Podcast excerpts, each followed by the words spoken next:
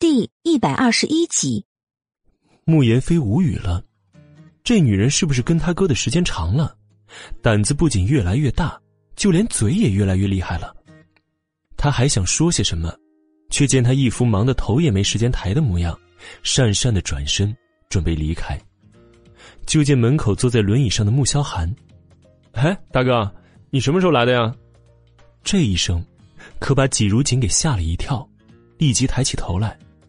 就见穆萧寒阴沉着一张脸贴在玻璃门前，就在你们讨论谁眼瞎的时候，季如锦顿时傻眼了。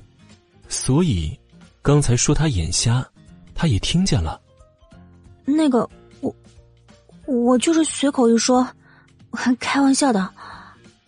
他站了起来，极力的想要解释着。哼，你说的没错，我是眼瞎了。男人冷冷的看了他一眼。转身离开。晚上十点钟，穆萧寒看了一眼时间，抑郁了一整天的脸色更加难看了。去，把他带回来。他对着身边命令道。半个小时之后，易灵到了墓室的二十六楼，看着季如锦正趴在办公桌上画着画稿，专注认真的神情，让人不忍打扰。但是。大 boss 的命令，他也不能违抗啊。季小姐，你该回去了。易灵走了过来，敲了敲桌面，提醒道。季如锦抬起头，看到来人是易灵，摇了摇头。我还有很多工作没做呢，我今天不回穆家了。对他来说，穆家就是穆家，并不是他的家。易灵见他又继续低头画着画稿。伸手按在了稿纸上面，季如锦心急如焚，二十几张设计稿，他到现在才赶出了六张，而后天就是三天的期限了。他要是做不出来，不但要滚蛋走人，还要被苏俊阳和所有人嘲笑他就是一个没用的、只能靠背景才能进入的花瓶。于是，声音不免带了一丝怒意：“你干嘛？上次我和穆萧寒已经达成了共识。”我要做什么，你们不能够干涉的，否则我可以毁约。易林皱着眉头，声音仍没有一丝退让。你和总裁之间的协议有过一条，必须每天回到穆家过夜。昨天你就已经违反协议规定了。季如锦抿了抿唇，有些自暴自弃的说道：“那就索性算我毁约就是了。我跟他本来就是假结婚的，他不怕对不起他以后的妻子，我还怕对不起我以后的丈夫呢。”易灵的眉头跳了跳，沉着声音警告了一句：“假结婚这三个字，以后最好不要说了。”心想着，要是 boss 听到这句话，只怕会气得当场站起来。他竟然还想着以后要嫁人，都已经是 boss 网里的鱼了，哪儿还有跑掉的可能性呢？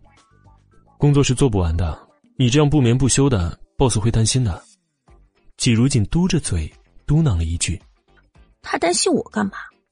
却还是站了起来，开始收拾设计稿，连着将之前补好的一起装了进去，准备带回木家继续画。易灵这才松了一口气。两人进入电梯，在电梯门关上的那一刹那，从旁边的卫生间里面走出了一个人，看着电梯下行的数字，嘴角露出了一丝诡异的微笑。刚才，他好像听到了一些不该听到的事情。回到穆家，季如锦刚上楼放好包和设计图，罗妈就端来了一碗面条过来，里面还有一个煎的金黄的荷包蛋。季如锦中午只吃了一桶泡面，晚上也什么也没吃，现在看到这碗面条，闻着香味儿，顿时感觉饥肠辘辘。罗妈，你怎么知道我没吃晚饭？太谢谢你了，我都快饿晕了。季如锦接过面条。笑着说道：“少夫人，这是大少吩咐的，快吃吧。要是不够，我再去煮一碗。”罗马解释了一句，说完，转身就出去了。季如锦听说是穆萧寒吩咐的，愣住了，心中暖暖的，又酸涩的十分难受。穆萧寒从卧室出来，看到季如锦捧着一碗面发呆，不由得皱着眉。再傻站着，面条就糊了。季如锦回过神来，低下头，轻轻的说了一句：“谢谢。”吃过面条，罗妈又端了一杯热牛奶过来。季如锦接过，喝完之后便进了浴室洗澡。昨天他没有洗澡，其实已经是浑身不舒服了。洗完澡，他不停的打着哈欠，可是又不敢睡觉。走到沙发上，拿起设计稿，转身进入书房。穆萧寒看了一眼时间，已经是十一点半了，但是半天也没有见季如锦回来睡觉，于是，便下了床，坐在轮椅上，出去看他到底在干什么。等进了书房，看到季如锦正埋头在画稿。很晚了，去睡觉吧。穆萧寒过去，命令道。季如锦打了个哈欠，摇摇头：“ 不行，三天之内我要把这些设计图补好。我才画了六张，还有……”第一百二十二集。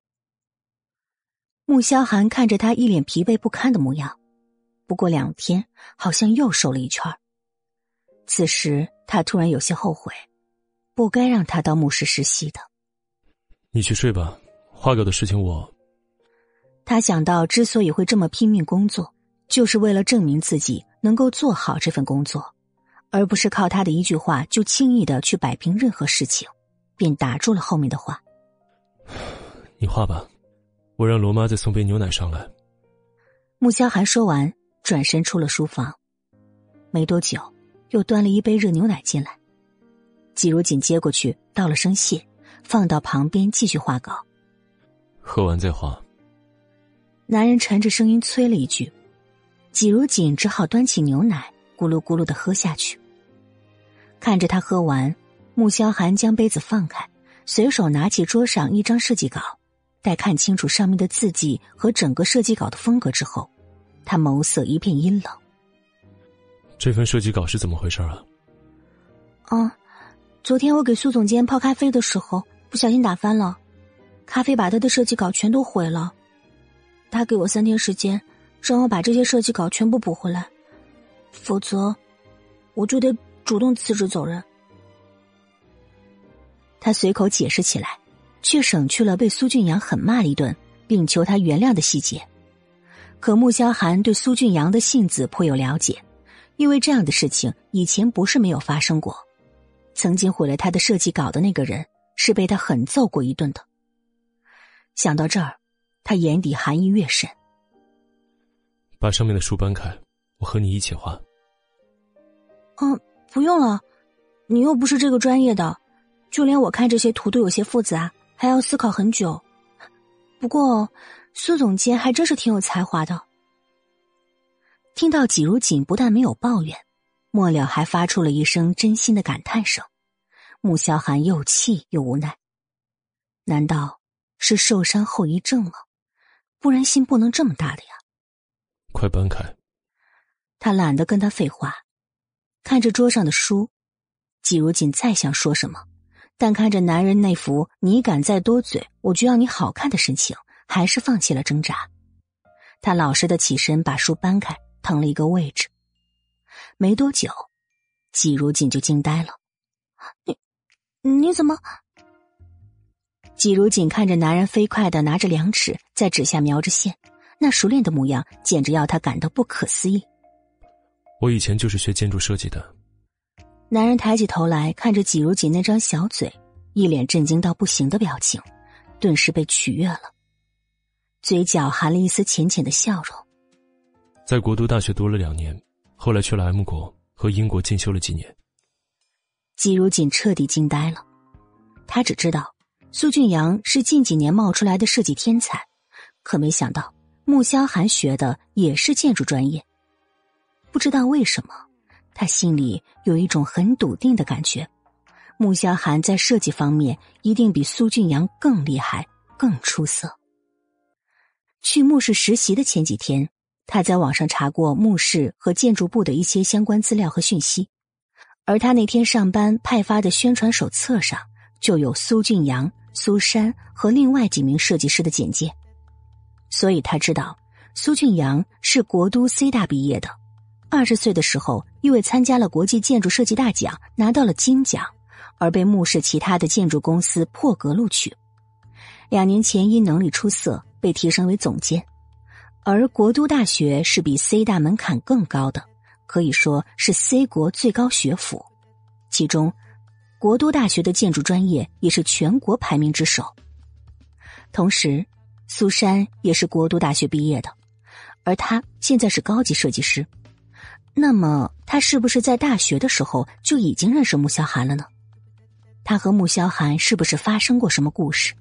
所以他才会对自己是那样的充满敌意。想到这儿，他心情有些闷得难受，情绪也低下来。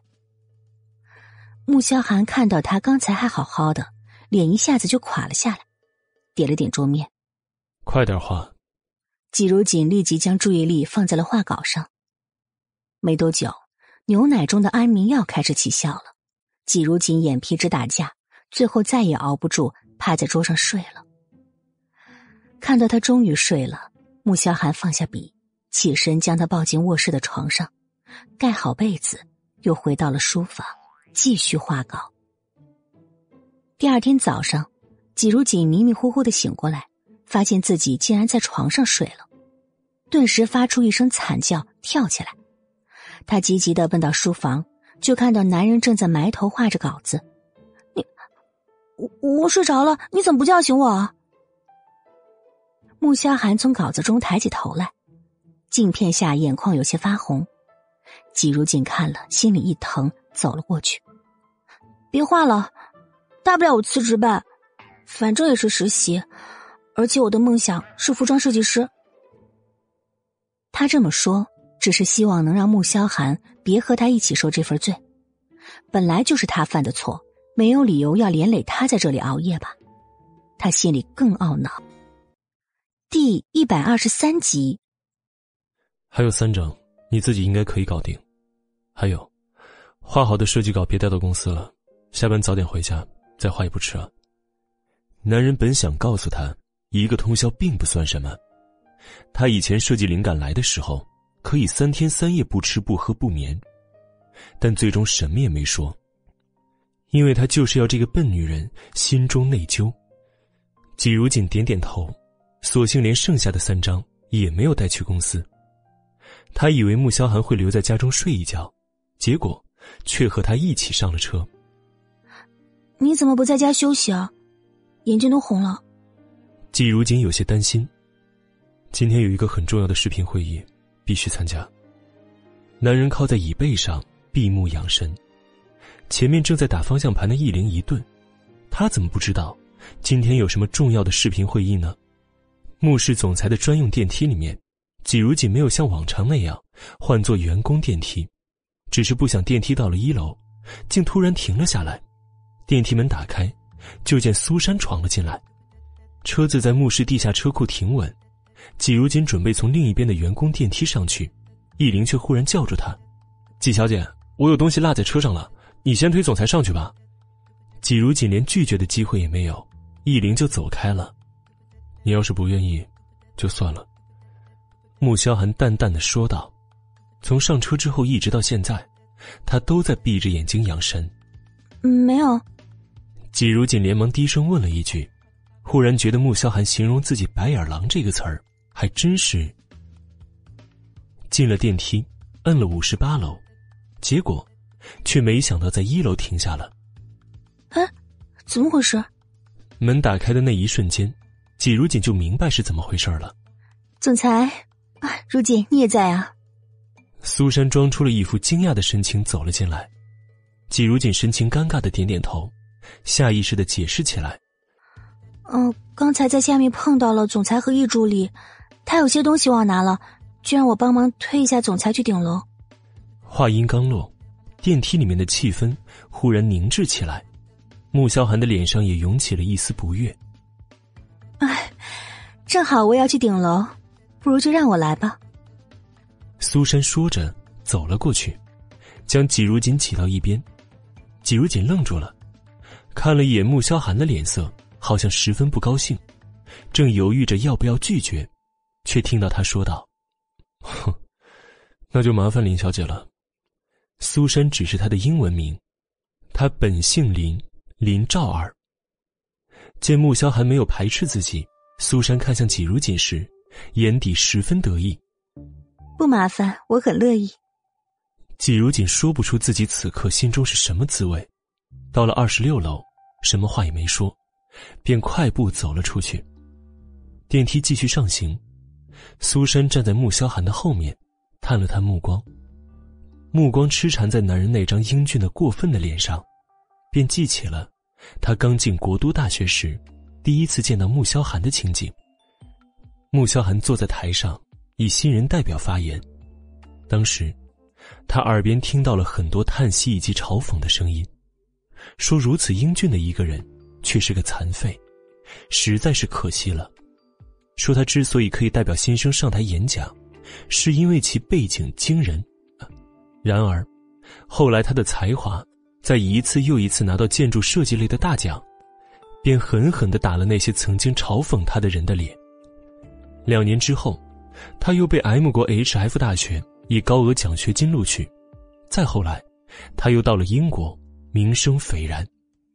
所以他从大学毕业，就将简历投到了慕氏。他希望有一天，可以离这个男人近一点，甚至更近一点。看够了吗？忽然，男人传来一道冷冷的声音，打断了他的思绪。苏珊回过神来，脸上没有一丝尴尬，反而阴阴的看着男人。总裁，十年前我就认识你了，我和你都是国都大学建筑系的。穆萧寒并没有看他，神色淡淡的说道：“那又如何？”苏珊愣住了，显然没料到他会是这样的反应。这些年我一直很崇拜你，你有没有回国都大学去看一看？那里还是和以前一样的。他企图用以前大学时代的回忆勾起穆萧寒的好感，然而他不知道的是，在国都大学的那两年，对穆萧寒来说不过是一个历练的过程。那时，他每个月被痛苦折磨。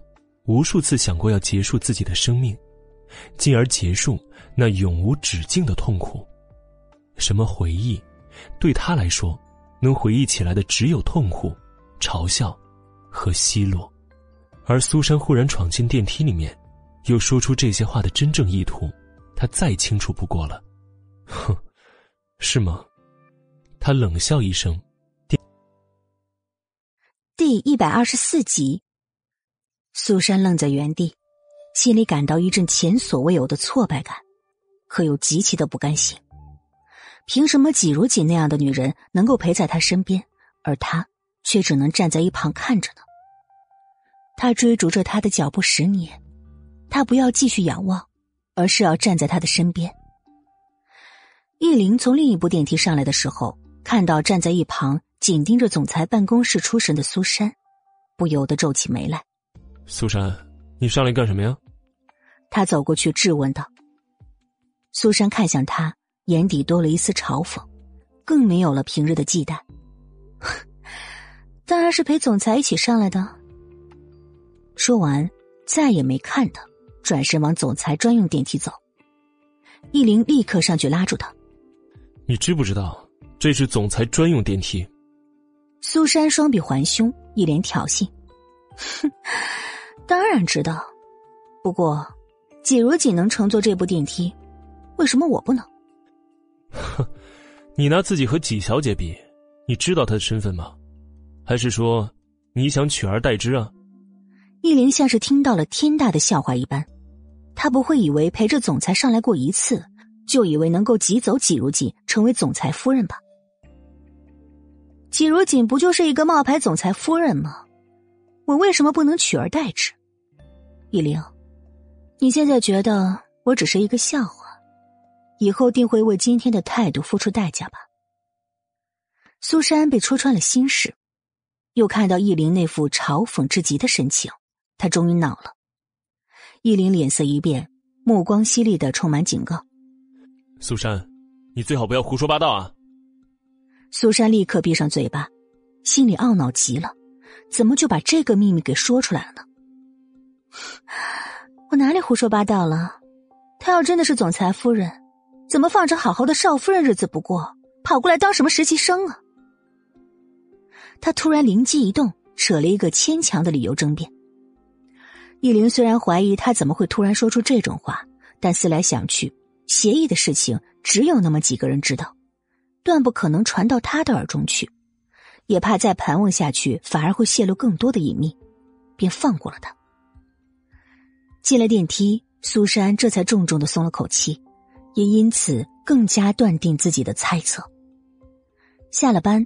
季如锦也没耽搁，回到穆家就开始继续绘图，连晚餐也是罗妈端上来的。而穆萧寒因为早上在电梯里面的事儿，一直生着闷气，结果他发现，把自己气得半死的某人竟然没有意识到。晚上十点，季如锦终于将设计稿补好，伸了个懒腰，将所有的设计稿装好，这才走进了浴室，洗完澡。就看到穆萧寒不知什么时候已经坐在了床上，想到今天早上在电梯发生的事儿，顿时就生气了，一副没看到床上男人似的，绕过旁边，拿着毛巾擦起头发。穆萧寒挑了挑眉，从床头拿出电吹风，过来，吹头发。季如锦发现自己真是太没骨气了，听到他的声音就乖乖起身走过去要接电吹筒。可是，见男人头发早就干了，根本不需要吹。坐好。穆萧寒指了指床沿，季如锦坐下来，电吹风响起声音，头上微微的暖风，男人的手在他发间穿梭拨弄着。他愣住了，怎么也没想到穆萧寒会屈尊降贵的为自己吹头发，这种感觉奇妙的让他心里满满胀胀的。好像快要溢出来似的。他想找点理由说服自己，并解释他这种反常的行为，可发现根本找不到。是不是他也是有一点喜欢自己的呢？季如锦心里默默的想着，突然他猛地一震，为什么要说也呢？难道自己喜欢他？他瞪大了眼睛，心里又慌张又紧张。男人将吹风收起，好了。他回过神来，连忙起身，跑到另一边，也不敢再看他的脸，胡乱的说：“嗯，时间不早了，你昨天晚上一夜没睡，早点休息吧。呃，我困了，我就先睡了。”穆萧寒看着他怪异的行为，眼底闪过一抹疑惑。季如锦缩在被子里，背对着男人。一双眼睛眨了又眨，脑子里跟轰炸机炸过似的，一片狼藉。他什么时候就喜欢上穆萧寒的呢？他怎么就能喜欢上穆萧寒呢？他不可以喜欢他的呀！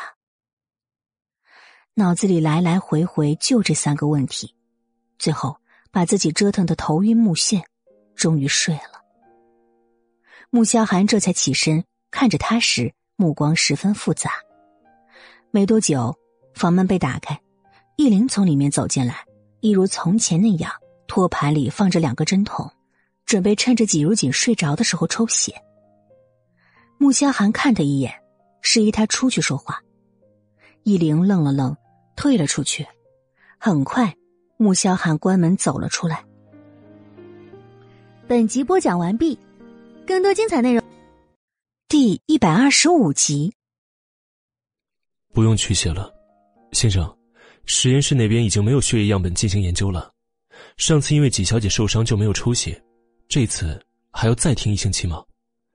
易灵显然是听懂了他这话中的意思，可是却有些无法接受，不由得再确认了一遍。暂停实验。穆萧寒目光犀利而坚定的看了他一眼，扔下四个字，推开门回到卧室。易灵愣在原地，好半天才回过神来。脸色渐渐变得难看起来，先生怕是真的对季如锦动心了，所以才舍不得从他身上抽血。可是先生的病又怎么办呢？难道还要继续像以前那样痛苦的煎熬下去吗？到了第二天，季如锦带着补好的设计图进了苏俊阳的办公室，放到他面前。看到苏俊阳闪过惊讶的眸光，季如锦老实交代道。这里有一半是穆萧寒帮我画的，而且，我也不否认，我一个人三天是画不出来的。苏俊阳听完，猛地抬起头来，看着季如锦的目光有些复杂。这时，他不知该说这个女人是聪明还是愚蠢了。哼，你这是在向我炫耀呢？苏俊阳故意曲解他的意思，用嘲讽的语气问道。季如锦瞪大眼睛，想要争辩什么，却发现自己说什么也没用。苏俊阳就是故意要让他难堪。你要这么认为也可以。季如锦鼓了鼓脸颊，闷闷的回了一句，直接转身走了出去。原以为他会再辩解几句，却不想就这样转身出去了。苏俊阳不由愣住了，神色古怪的瞪着季如锦的背影，这才将手中的设计稿锁进抽屉里。这几天，季如锦发现了自己的生活有了小小的变化，比如，芬迪和负责统计的陆茵茵、许强会开始和他聊一些工作之外的事情了，中午还会叫上他一起到食堂吃饭。这让季如锦感到高兴，他知道，是因为自己的努力终于得到认可，同时，也发生了一些让他极其困扰的事情，就是他每天都会收到好几束鲜花，而事情的缘由是上个星期建筑部例会的时候，他和芬迪负责会议室的布置，在他们还在布置的时候，提早赶到的好几名项目部经理看到他，便缠了上来，最终。还是慕言飞进来，看到之后极其不爽，以他二世祖的威名喝止了那几名项目经理。起初他并没有放在心上，结果第二天就相继收到了三束玫瑰花，这震惊了整个办公室啊！他觉得原本人缘就不好的自己变得更加不好了。那些女同事看着他的眼神，一个个都变成了嫉妒和哀怨。很快。季如锦被追求者送花的事情也传到了苏俊阳的耳朵里。听到这个消息，苏俊阳脸上露出了浓浓的讽刺，看着季如锦的眼神也变得越来越冷。季如锦自然感受到了，不过他并没有心思去理会苏俊阳的态度，而是在烦恼着自己为什么每天会从穆萧寒的怀中醒来，以至于这段时间他每每和穆萧寒独处时。都甚感尴尬。到了晚上，季如锦从浴室里面洗完澡出来，并没有像平时那样看到穆萧寒躺在床上。他一边擦着头发，一边往书房里面走去。刚走进去，就看到穆萧寒坐在沙发上，拿着手机正和人视频着，神情十分专注，并没有察觉到有人进来。你不睡吗？季如锦并没有多想，便走了过去。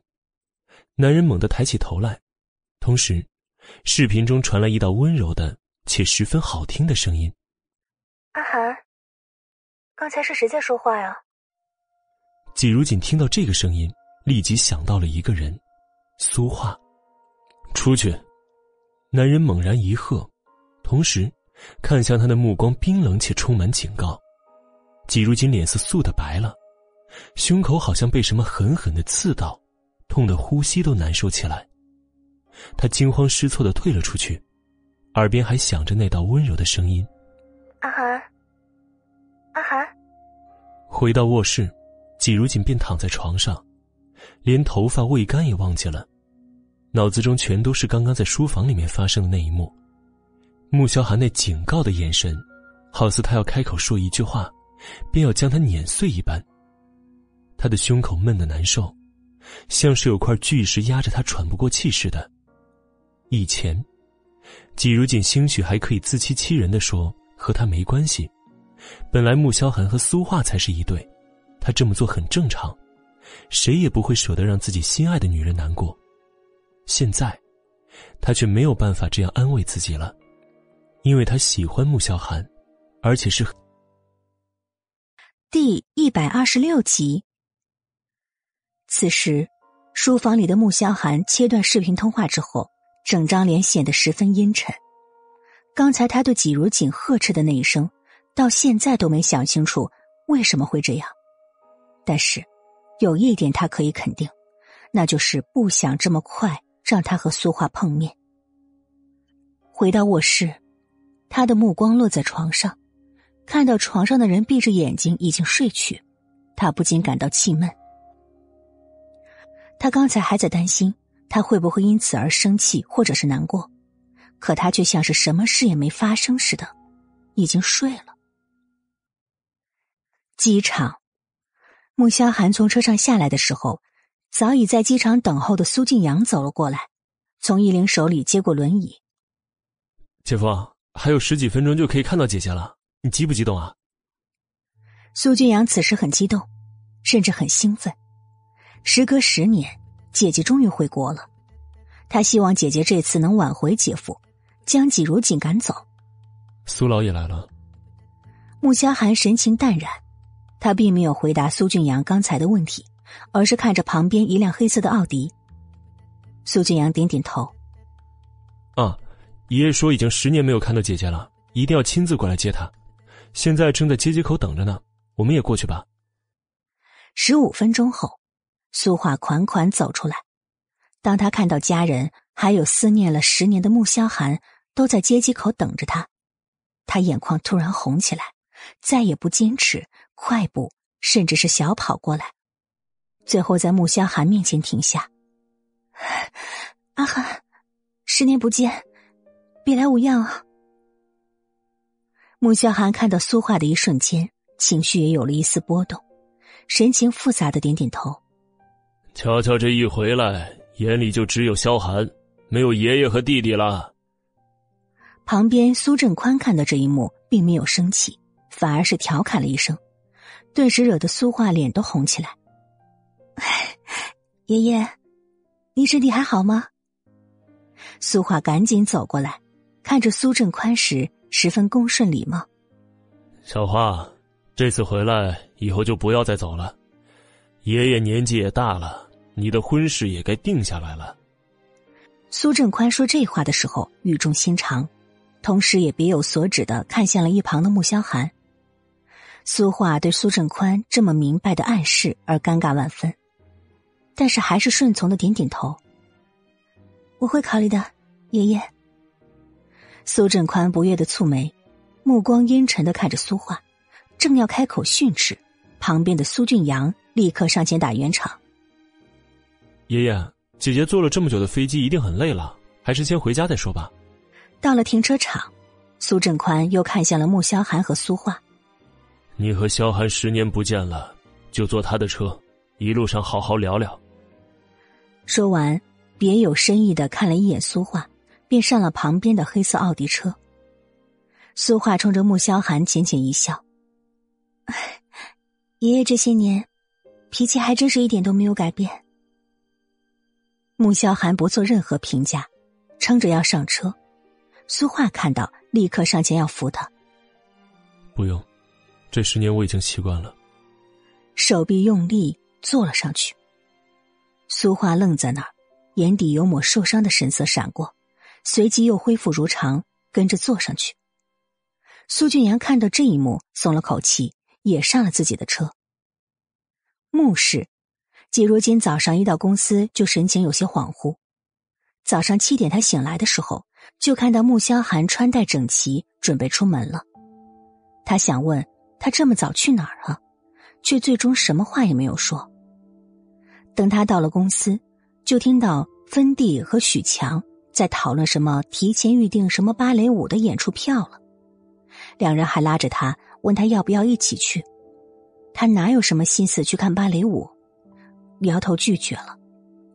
坐到座位上，他拿出手机。昨晚对不起，我不是故意闯进去的，打扰你视频，真的很抱歉。正要按发送，却又觉得这样子做不是欲盖弥彰吗？于是又删了短信，索性关机，埋头开始工作。苏俊阳到公司的时候已经十一点了，他一进来，目光就落在正在对着电脑录入的季如锦身上，眼底露出一抹得意之色。季如锦，到我办公室来一下。苏俊阳走到他桌前，点了点桌面，扔下一句话，进了自己的办公室。苏总，请问您找我有什么事吗？季如锦走进去，一脸疑惑。苏俊阳坐下，然后看着季如锦一副神色平静的模样，缓缓笑起来。哼，你知道谁回来了吗？季如锦听着，只觉得满头雾水。苏总，抱歉，我没听明白你的意思。苏俊阳嘴角一抽，又重复了一句：“谁回来跟我有什么关系吗？”季如锦还是没反应过来，仍是一脸茫然。我姐回来了，苏画回来了。苏俊阳放弃了，索性直接说出来，然后一脸期待的看着季如锦，希望能从他的脸上看到震惊、难过的表情。然而，第一百二十七集。哦，季如锦淡淡的应了一声，只有他自己清楚，苏俊阳这一击有多猝不及防。原来穆萧寒那么早的出去是为了接苏画呀！原来昨晚那个视频里面温柔又好听的声音，真的是苏画。我姐回来了，你可以从我姐夫身边滚蛋了。苏俊阳没有得到预期的效果，心中十分恼怒，语气也不由得硬了几分。我可以滚蛋，你让穆萧寒跟我离婚，我一定马上滚得远远的。季如锦这话说的十分真诚，如果穆萧寒真让他滚蛋，他没有理由死皮赖脸的缠着他，自然是滚得越远越好。到时候看不到、听不到他的任何消息，也就不会再伤心难过了。然而苏俊阳听在耳中，却认为是他在拿穆萧寒当挡箭牌。哼，季如锦啊！我要是你，就不会再死皮赖脸的缠着他。苏俊阳的声音已经有了几分恼怒。我说了，只要穆萧寒跟我离，我绝不会缠着他。季如锦真觉得自己没有要缠着穆萧寒的意思，然而，他的声音却是充满了赌气的意味。哼，是吗？那我是不是要考虑一下，马上成全你？身后传来一道凉凉的。充满冷意的声音。季如锦听到这个声音，心中蓦地一惊，缓缓转身，对上了男人阴沉而冰冷的眸子。他在想：是因为苏画回来了，所以不需要他再假扮妻子了吧？而他也应该识相的主动退出。以前，他总能盼着早点摆脱，可现在怎么就这么难受呢？想到以后每天早上。在他臂弯中醒来的会是另外一个女人，这种感觉就难受的让他窒息。那就多谢成全。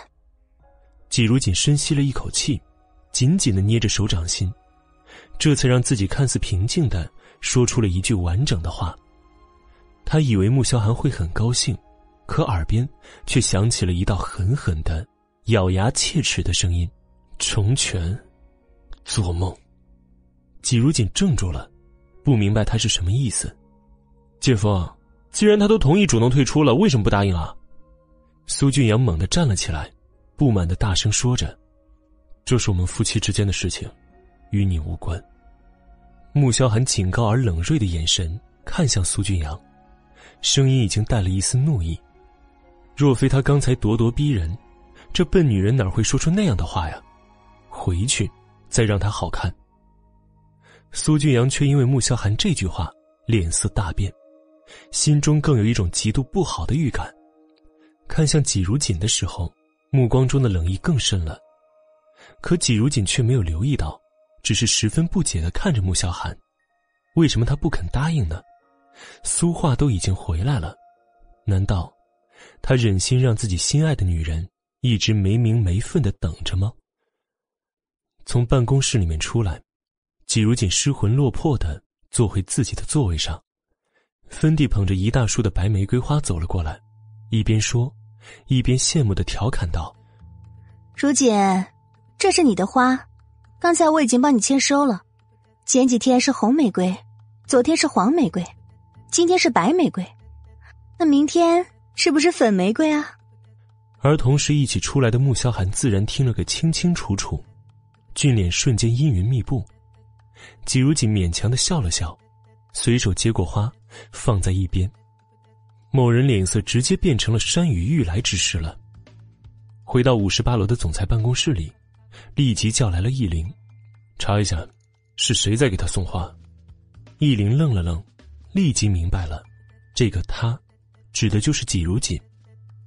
再看着 BOSS 这一副要捉奸一般的凶狠之色，不禁想为那个追求季如锦的家伙哀歌一曲了。一个小时之后，易林神色怪异的走了过来，将一张纸条放在了穆萧寒的桌子上。这就是追求纪小姐的那些人。说完之后，易灵退后三步。想要远离穆萧寒这可怕的气场，以免被误伤到。穆萧寒拿起来看清楚，左手的钢笔瞬间被他捏断了。看到钢笔在 BOSS 手中变成两截时，易灵有一种像是看到了纸上那些名字的主人也被捏成两段。哼，很好，原来有这么多备胎啊，所以有恃无恐啊。某人轻声笑着。声音如同淬了寒冰，冷意从脚底直窜头顶。把这些人全都调到中东、南非那边的工地。下班之后，季如锦不知是出于赌气还是害怕，并没有回穆家，而是去了米乐乐在开发区买的一套小公寓里面，打算住一晚。所以，到了晚上十点钟，还没有看到季如锦回来的某人，生气程度可想而知了。易灵拿着针筒进来，并没有看到季如锦，而 BOSS 大人则黑着一张脸坐在沙发上，不由紧张的问道：“先生，季小姐去哪儿了呀？明天就是十五号，是 BOSS 毒发的日子，如果没有季如锦的血。”第一百二十八集，穆萧寒看向他，一副你问我，我问谁的不爽神情，起身走进卧室。没多久走了出来，目光落在易灵手中的注射器上。以后，不要再让我看到这些东西。先生，明天就是十五号了。易灵可以接受他不再抽血做实验，但每个月的十五号毒发要怎么办呢？当初骗季如锦签下那份协议，不就是为了能够从他的血液里检验出毒发的解药吗？可 BOSS 现在为了这个他。情愿继续忍受那种非人的痛苦折磨。十年都熬过来了，明天还像以前那样准备好就行了。穆萧寒云淡风轻的说完，再次回到卧室。米乐乐的别墅里，季如锦躺在床上翻来覆去的睡不着。这次，他是真正尝到了情的滋味了，却没想到会是这般的抓心挠肝的痛苦。以前和宁俊恋爱的时候。他总是无悲无喜，就算是知道他要和纪明轩订婚，也只有被欺骗的愤怒。明知道穆萧寒爱的是苏画，自己还要陷进去吗？答案很清楚，不能。那以后该怎么办呢？他也不能一辈子躲着他吧，而且越是这么躲着，反而会让他察觉到自己的心思。这么想着，季如锦坐起来。旁边的米乐乐终于忍不住了：“你这一惊一乍的，到底要干什么？”“啊，没事，睡吧睡吧。”季如锦觉得自己既然已经来了，还是踏踏实实的过了夜再说吧。第二天下班的时候，季如锦被人堵在公司门口，堵他的人手里捧着一束很大的粉色玫瑰，看到季如锦和陆茵茵、芬蒂、许强出来，眼睛一亮。立刻走过来，那不是 A 区的项目经理陈浩宇吗？还捧着这么大一束粉玫瑰，如锦，该不会是送给你的吧？芬蒂眼尖，同时发出了一声惊叹。季如锦愣了，他根本不记得什么 A 区的陈浩宇。嗯，我我不认识他呀。结果话音刚落，程浩宇已经走了过来。将玫瑰花送到他面前，深情款款的说：“如锦啊，我想请你吃个饭，能赏脸吗？”季如锦瞪大了眼睛，正想摇头拒绝，旁边的芬蒂却开口笑道：“如锦，我们就先回家了，不打扰你和程经理的二人世界啦。”说完，芬蒂就在季如锦惊诧莫名的眼神中拉着许强走了，还不忘喊一声旁边在发愣的陆茵茵。带人走了，季如锦也没有去接花，而是看向了陈浩宇。程经理，吃饭的事情就免了吧，你有事找我吗？他这拒绝的意思应该很明显了吧？陈浩宇当然明白他的意思，但是他觉得自己长相英俊，收入又高，在春城是有车有房，只要季如锦对自己了解多一点就一定不会错过他这种绩优股才对。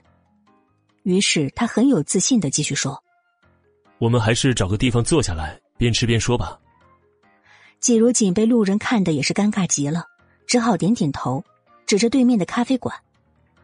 那，去那里说吧。当两人走进咖啡馆时，并没有发现对面的一辆黑色捷豹上，一双阴沉的眼睛正冷冷的注视这一切。易灵见天色渐渐的将要暗下来，月亮也很快要出来了，BOSS 正准备去郊外的石屋里度过这痛苦的一夜，却不想撞见了季如锦与别的男人幽会的一幕。这一刻。他心里涌上了前所未有的愤怒。先生，我现在就带季小姐过来。易灵双手紧握方向盘，声音里透着一些怒意。不用了，走吧。穆萧寒的声音也有些发冷。虽然月亮还没有升起，可是身体里那股隐隐的戾气已经渐渐涌上来。尤其看到季如锦和别的男人一起往咖啡厅走时，竟然隐隐有一种。无法控制的势头，想要冲过去杀了那个男人，再掐着季如锦的脖子，问他为什么要和别人约会。可这不是他的本意，只是心里有种无法控制的怒意在不断的往上涌。他不能再继续在这里停留了，否则他会做出连自己都无法控制、终身后悔的事儿。易灵还在犹豫，抬头看向后视镜。出现在镜子里那双渐渐泛红的眼睛时，他心里一惊，再也顾不得其他，马上踩起油门疾驰而去。咖啡馆里，季如锦有些心神不宁。程经理，有什么话请说吧。陈浩宇却只是笑笑，故意转了一下手腕上的劳力士，对着服务员说：“来两杯蓝山咖啡。”哦，我不喝咖啡。来杯热牛奶就行了。本集播讲完毕，第一百二十九集。服务员离开了，季如锦见他依然没有打算说话的意思，深吸一口气，先发制人：“程经理，这几天的玫瑰花是你送的吧？其实你可能不知道，我已经结婚了，所以你的美意，请恕我无法接受。”陈浩宇春风满面，笑意顿时凝在脸上，不敢置信的说道：“你，你开什么玩笑？就算你不想马上接受我，也不用找这么可笑的借口啊！哪有这么年轻的女孩子就结婚嫁人的呀？” 我没有骗你，也没有必要骗你。我很喜欢我老公，所以，请你不要再送花了。季如锦说的十分真诚。因为他的内心并没有说一句谎话。话说完，他也没有理会陈浩宇的脸色有多难看，从包中拿出一张钞票放在桌上。咖啡算我请。从咖啡馆里面出来，季如锦看了看外面黑下来的天空，心中忽然升起了一丝慌乱。如今，他竟能这么毫不犹豫的拒绝一个男人的追求了，是因为穆萧寒的关系吗？一颗心放在了他的身上。眼中便再也看不上别的男人了，而此时，郊区的石屋里，穆萧寒给自己双手双脚戴上了金刚制成的镣铐，一双发红的眸子看向易灵，把门关上，出去。易灵神色犹豫又不甘，先生，我现在找纪小姐过来，只要她的一点血，你今天晚上就不用承受这些痛苦了，出去。穆萧寒耸了耸鼻头，神情暴怒，声音也十分狠厉的吼着。易灵这才咬牙关上门，退了出去。关上门的那一刹那，就听到里面传来了痛苦的低吼，渐渐的，变得越来越大，一声又一声，令他心中担心又愤怒至极。这一整晚，季如锦都睡得极不安稳，梦里。总听到一声声痛苦的粗吼和呻吟，总觉得有一双发红的眼眸在睡梦中紧紧的盯着他，让他既害怕，又莫名的心疼。最终，穆萧寒扑了过来，掐着他的脖子，狠狠的咬下那一刻，季如锦猛地惊醒了。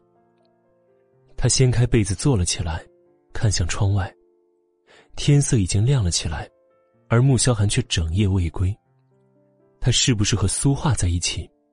想到这种可能。季如锦心中就莫名的升起了一股怒意，他既然这么爱苏画，连一晚上也不舍得和他分离，那为什么又不肯和他离婚呢？这么拖着有什么意思呢？早知这样，他昨晚就不该拒绝那个什么经理的追求了。季如锦愤愤的决定，待会儿到了墓室，一定要找穆萧寒好好谈一谈，问问他到底想做什么。季如锦早早的到了公司，没有去二十六楼，而是直接坐电梯到了五十八层。刚进去，就看到易灵从穆萧寒的办公室里面走了出来，他立即上前：“易助理，我有事想和他谈谈。”易灵看到他的时候，露出了一丝冷笑：“哼，季小姐，总裁现在在休息，不见任何人。”季如锦立即敏锐的察觉到易灵对他的敌意。只觉得惊讶莫名。就在这时，电梯门打开了，季如锦看到一位身穿着纯白色连衣长裙的绝美女子从里面走了出来。易灵，阿寒在吗？易灵没有再多看季如锦一眼，走了过去，领着女子往穆萧寒的办公室走去了。哈，总裁在里面，苏小姐这边请。这个声音，季如锦并没有忘。就是那晚视频里面，那个温柔又好听的声音，他一直十分疑惑，这个叫苏画的女子长得是什么样子，可以让穆萧寒十年都念念不忘。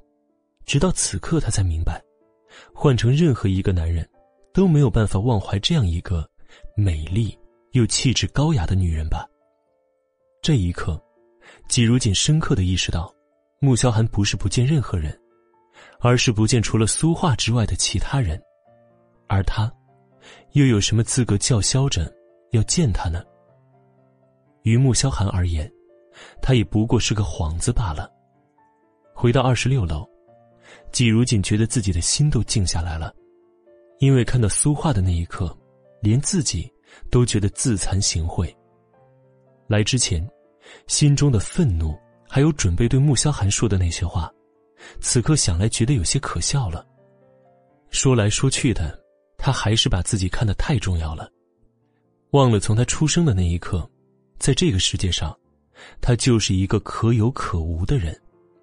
亲生父母抛弃他，唯独珍视他的养父突发事故，养母无情的将他扔在路边。若非他的八字正好符合吉老太太的要求，也许他会一直待在福利院里。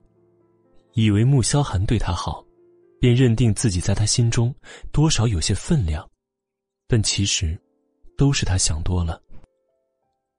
苏画走进穆萧寒的办公室里面，看到他神色苍白，神情疲惫的靠在沙发上面闭目养神，不由担心的走了过去。阿寒，你怎么了？是不是生病了？本集播讲完毕，更多精彩内。第一百三十集，穆萧寒睁开眼，摇了摇头：“没有，只是晚上没有休息好。”这十年来，除了远在国外旅游的父母和易灵以及穆子饶之外，谁也不知道他中毒的事儿。不，应该说是谁也不知道他会在每个月十五号毒发的事情。为了掩饰每月十五号毒发这件事儿，他一直在装作双腿不能行走。那我不打扰你休息了。苏画看他这个样子，心里很难过，疑惑为什么他的妻子没有在他身边照顾他。穆萧寒却看着他：“你来有什么事情吗？”我是来送演出票的。春城是我这次在国内首演的城市，听说现在网上已经买不到票了。正好我手上有两张，我便送了过来，希望你到时候能去看我的演出。苏画从包里拿出两张票，放在穆萧寒的面前，目光充满了期盼。我会去的，如果你不赶时间的话，中午一起吃饭吧。云姐的小厨房现在还是老样子。穆萧寒将票放到了抽屉里，这才笑着看向了苏画。他始终还是没有办法狠下心来拒绝这个十年前曾经喜欢过的女孩，而苏画却是万分惊喜。昨天。他挽留他在苏家吃饭，而被他以还有工作为由拒绝了。今天说是来送票的，也不过是想多看看他，和他说说话，哪怕只是那么几分钟也够了。却没想到，他竟然主动提出一起去吃饭，而且还是曾经他最喜欢去的地方。云姐的小厨房还开着吗？那真是太好了！我这么多年在国外，一直很怀念他做的菜。苏华笑起来，美得让人炫目，眼睛像星星一样璀璨。穆萧寒只是静静的听着，目光温暖，就像回到十年前那样的无忧无虑又快活的日子。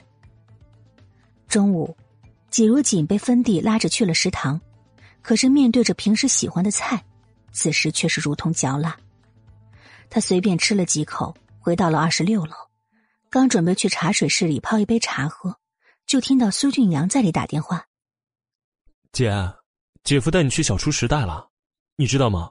以前那里差一点就拆了呀，就是因为知道你喜欢那儿，姐夫才买下了那块地的。”苏俊阳看到季如锦进来，声音突然提高了很多。季如锦神色如常的走到饮水机前，开始接水，脑子里却不断的想起苏俊阳刚才的话。原来，小厨时代是穆萧寒特意为苏焕而买下来的，就是为了让他回国之后还能吃到以前喜欢吃的饭菜吗？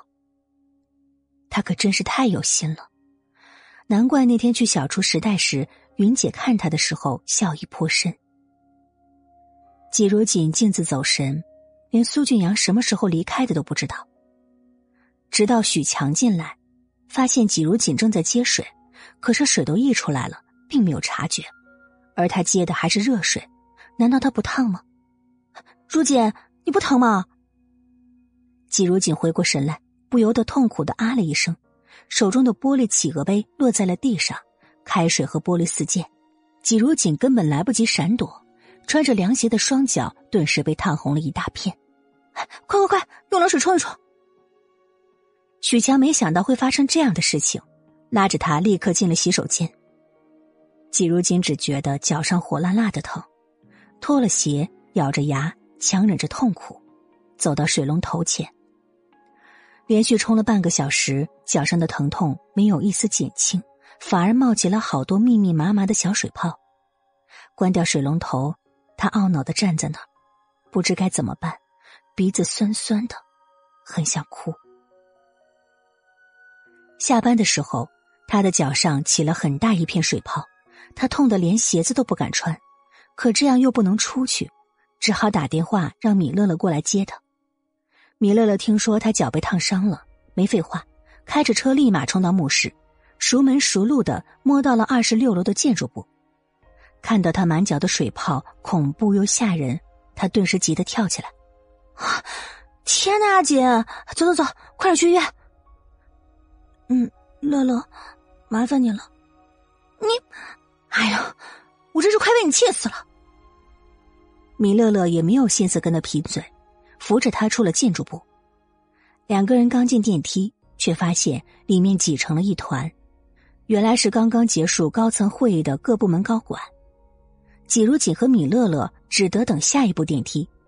苏珊从里面出来，看到他被米乐乐扶着，不由得挑眉：“如锦。”怎么了？这是不舒服啊？没，没事。苏珊点点头，根本不相信他没事儿。走进玻璃门时，特意放慢脚步。当看到他脚上那一第一百三十一集，季如锦没想到苏珊会来的这么快，以至于电梯在二十六楼再次停下时，不得不和他一起乘坐电梯。而米乐乐并不知道他和苏珊的过节，所以也并没有任何防备。进电梯时，苏珊忽然抢先进去，在经过季如锦身边时，突然一脚狠狠的朝他的脚背上踩了过去，又重重的拧了几下，季如锦疼的当时叫了起来：“阿杰，阿杰！”米乐乐也被这猝不及防的一下吓了一跳，只看到季如锦疼的蹲下去，立即慌了神了，掀开裤子，只见季如锦的脚背上已经一片血肉模糊。季如锦的脸色一片惨白，冷汗从额头上不停的冒出来，疼得一个字也说不出来。而苏珊站在电梯里面，冷冷的看着这一幕，嘴角勾起了一抹愉快的笑意，却在米乐乐抬头看过来时，立即换上了惊慌的神情。哎呦，如锦，你的脚这是怎么了？你说你都受伤了，还跟我抢什么电梯呀？听到这些话，米乐乐气得浑身发抖，冲上去，朝苏珊的脸上就是狠狠的一巴掌扇过去，仍不解恨，又抓着她的头发，咬牙切齿的说道：“你没看到她现在很痛吗？你还说这种话，你这个恶毒的女人！”医院里面，季如锦在治疗室里清洗伤口，米乐乐则在外面等着。手机响了起来，他拿起一看。是季如锦的手机响，来电显示是阿木，于是立即走进了治疗室里面。阿姐，你电话响了。说着，便将手机递到季如锦的面前。季如锦接过手机，看着上面的名字，没有接，而是关成了静音。乐乐，我这几天能不能住你那儿？米乐乐点点头，随即又摇头。不是，你怎么不回穆家去住啊？刚才是穆萧寒给你打的吧？你为什么不接？是不是跟他吵架了？季如锦沉默下来，他哪有什么资格和他吵架呀？米乐乐见他一声不吭，心情却比刚才还要低落。而此时，还在地下停车场里一直拨打着季如锦手机的穆萧寒，脸色渐渐沉了下来。走吧，回到穆家。刚从车上下来，就看到穆言飞拿着车钥匙往车库里面快步走去。你这么急是要去干什么呀？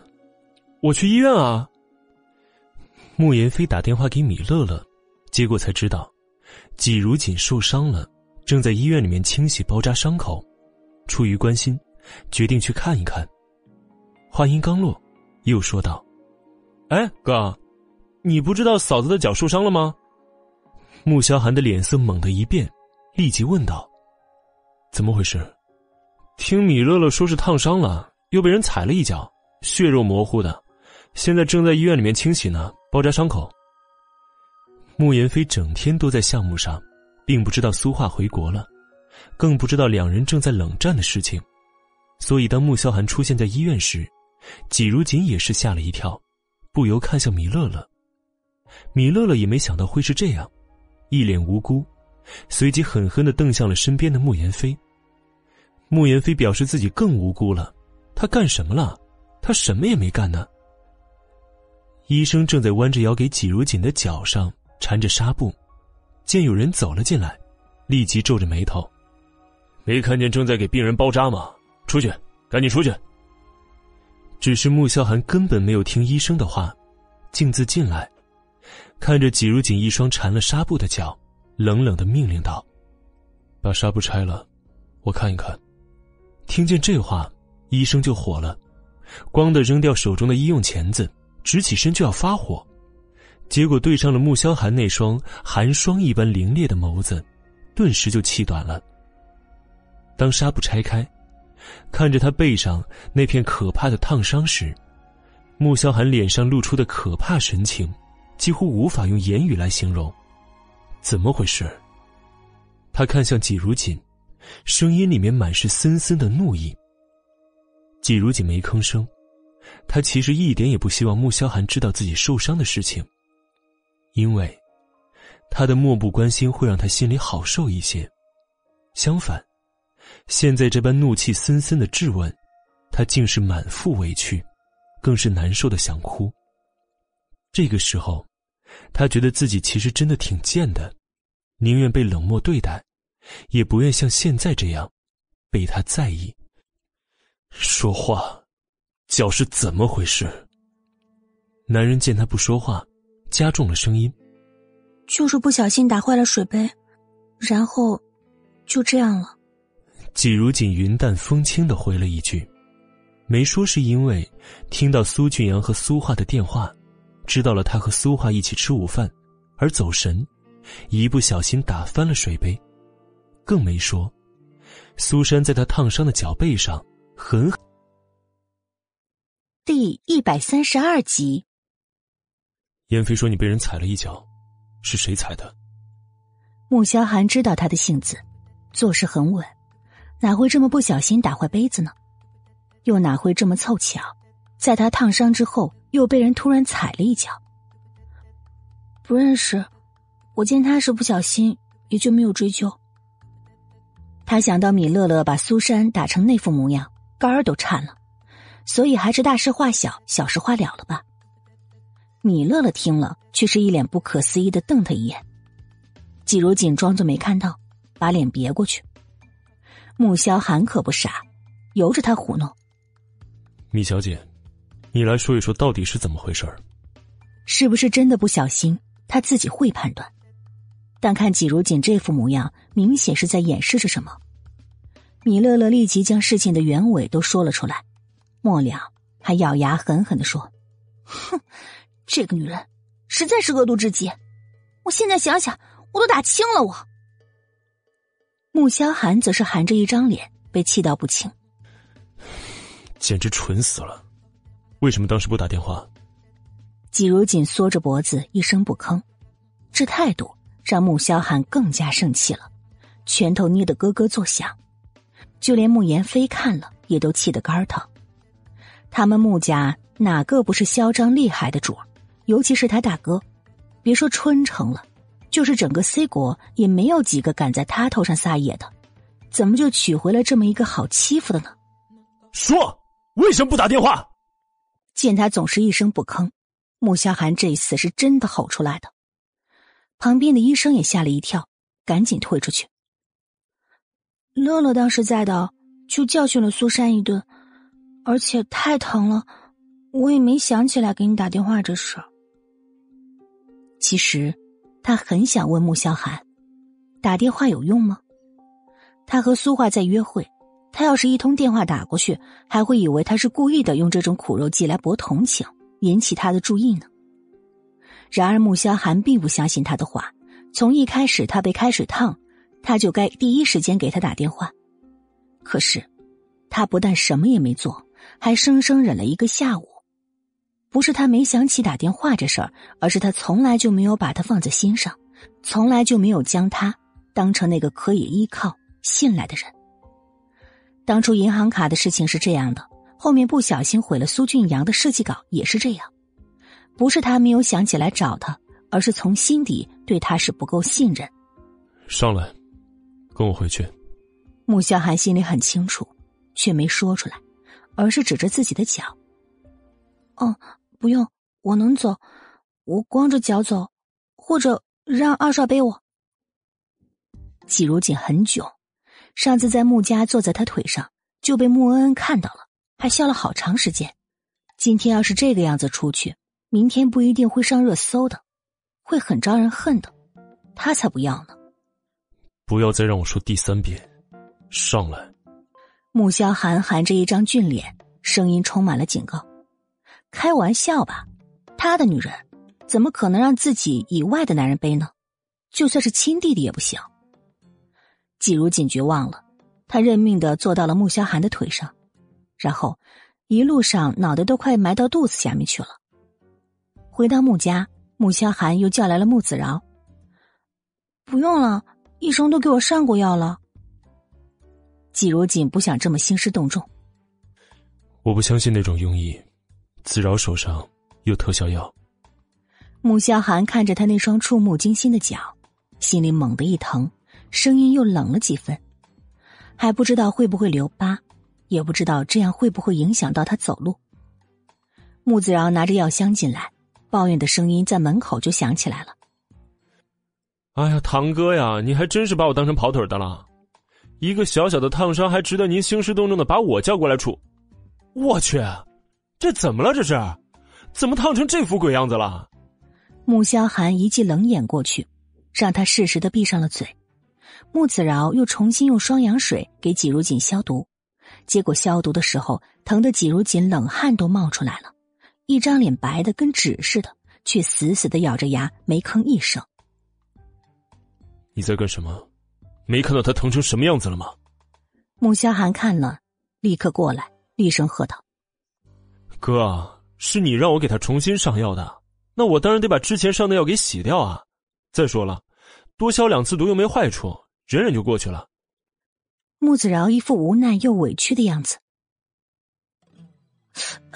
没事，我不疼。”季如锦倒吸了口气，咬着牙说。穆子饶倒是很欣赏季如锦的坚强，因为很少有人能疼成这样还一声不吭，更别说是女人了。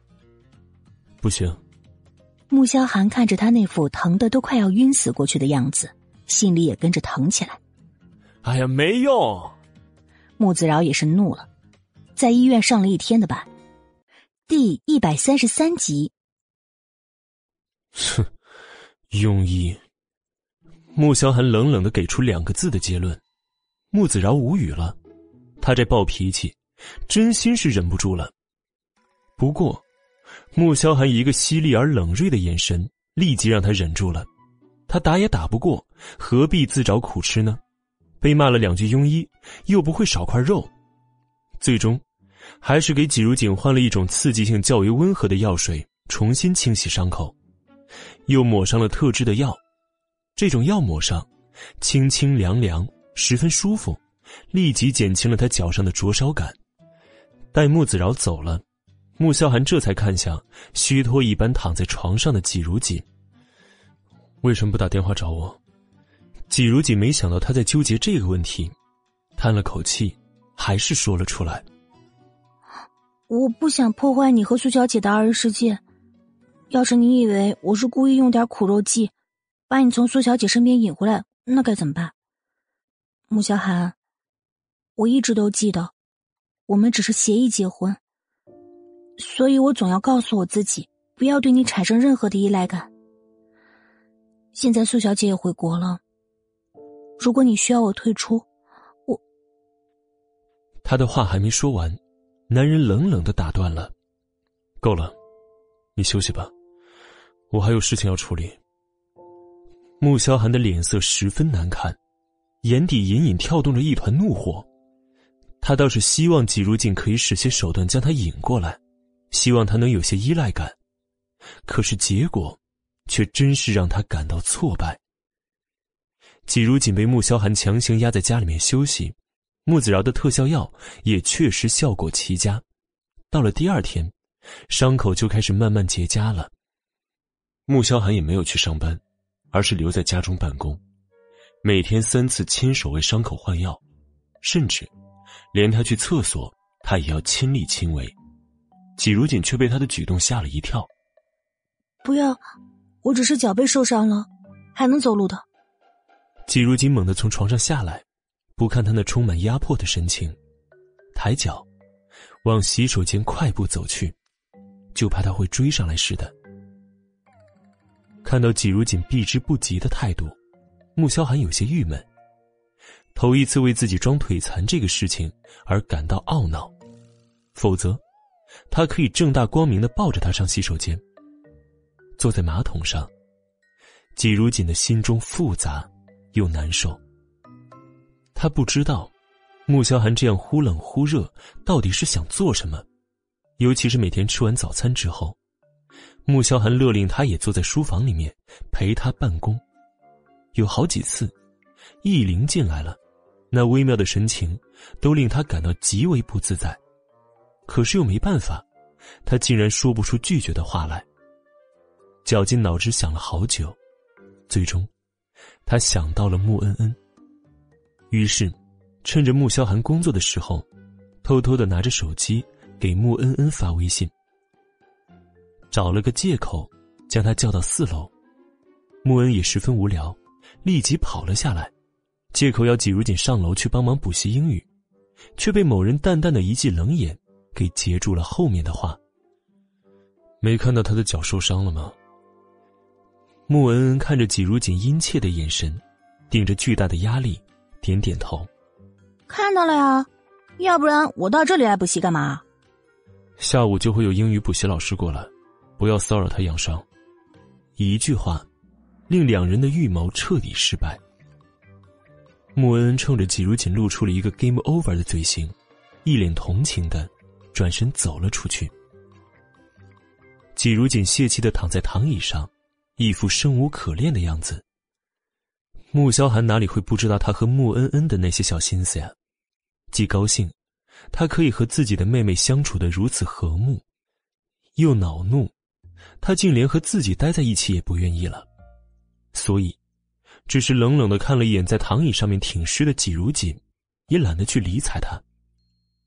没多久，季如锦就无聊的睡了过去。没过一会儿，觉得有些冷，皱着眉头，抱紧双臂，忽然身上就多了一床薄被。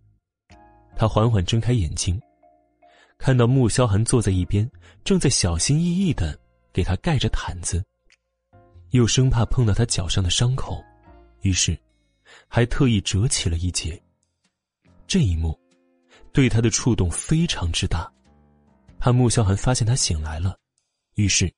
赶紧闭上眼睛继续装睡，心中却有一种强烈的冲动，想问穆萧寒对自己，是不是有那么一点点的喜欢？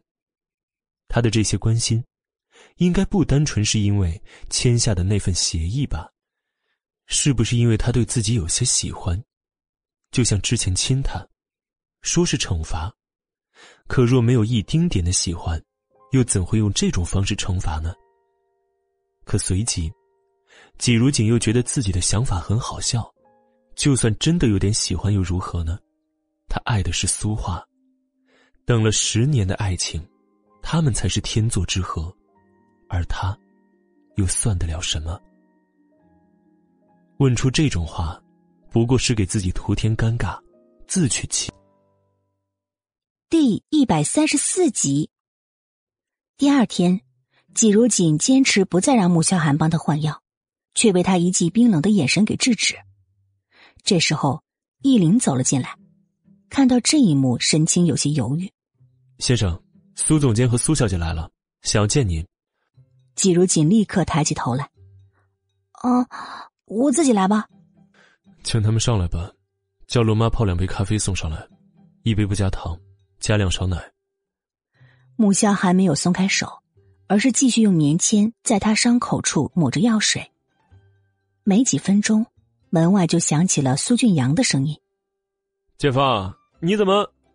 话还没说完，看到书房里穆萧寒亲自为季如锦的脚上药的这一幕，他的脸色突然沉下来。“哈，我说你怎么没去公司啊？原来在家里伺候女人呢。”这话带了几分怒意。而旁边的苏画看到这一幕时，嘴角的笑突然凝住，眼底的喜悦渐渐变得受伤。季如锦看到苏家姐弟，心里一抖，想起身，却被男人不动声色的按住了，耳边响起重重的警告：“坐好。”苏君阳狠狠瞪了一眼季如锦，抬脚走过来，一屁股坐在他旁边：“坐那里。”穆萧寒看了一眼旁边的沙发，命令道。苏君阳猛地站起来，负气的走过去坐下。倒是苏画神情已经平静下来，温柔的看着季如锦说：“这位就是季小姐吗？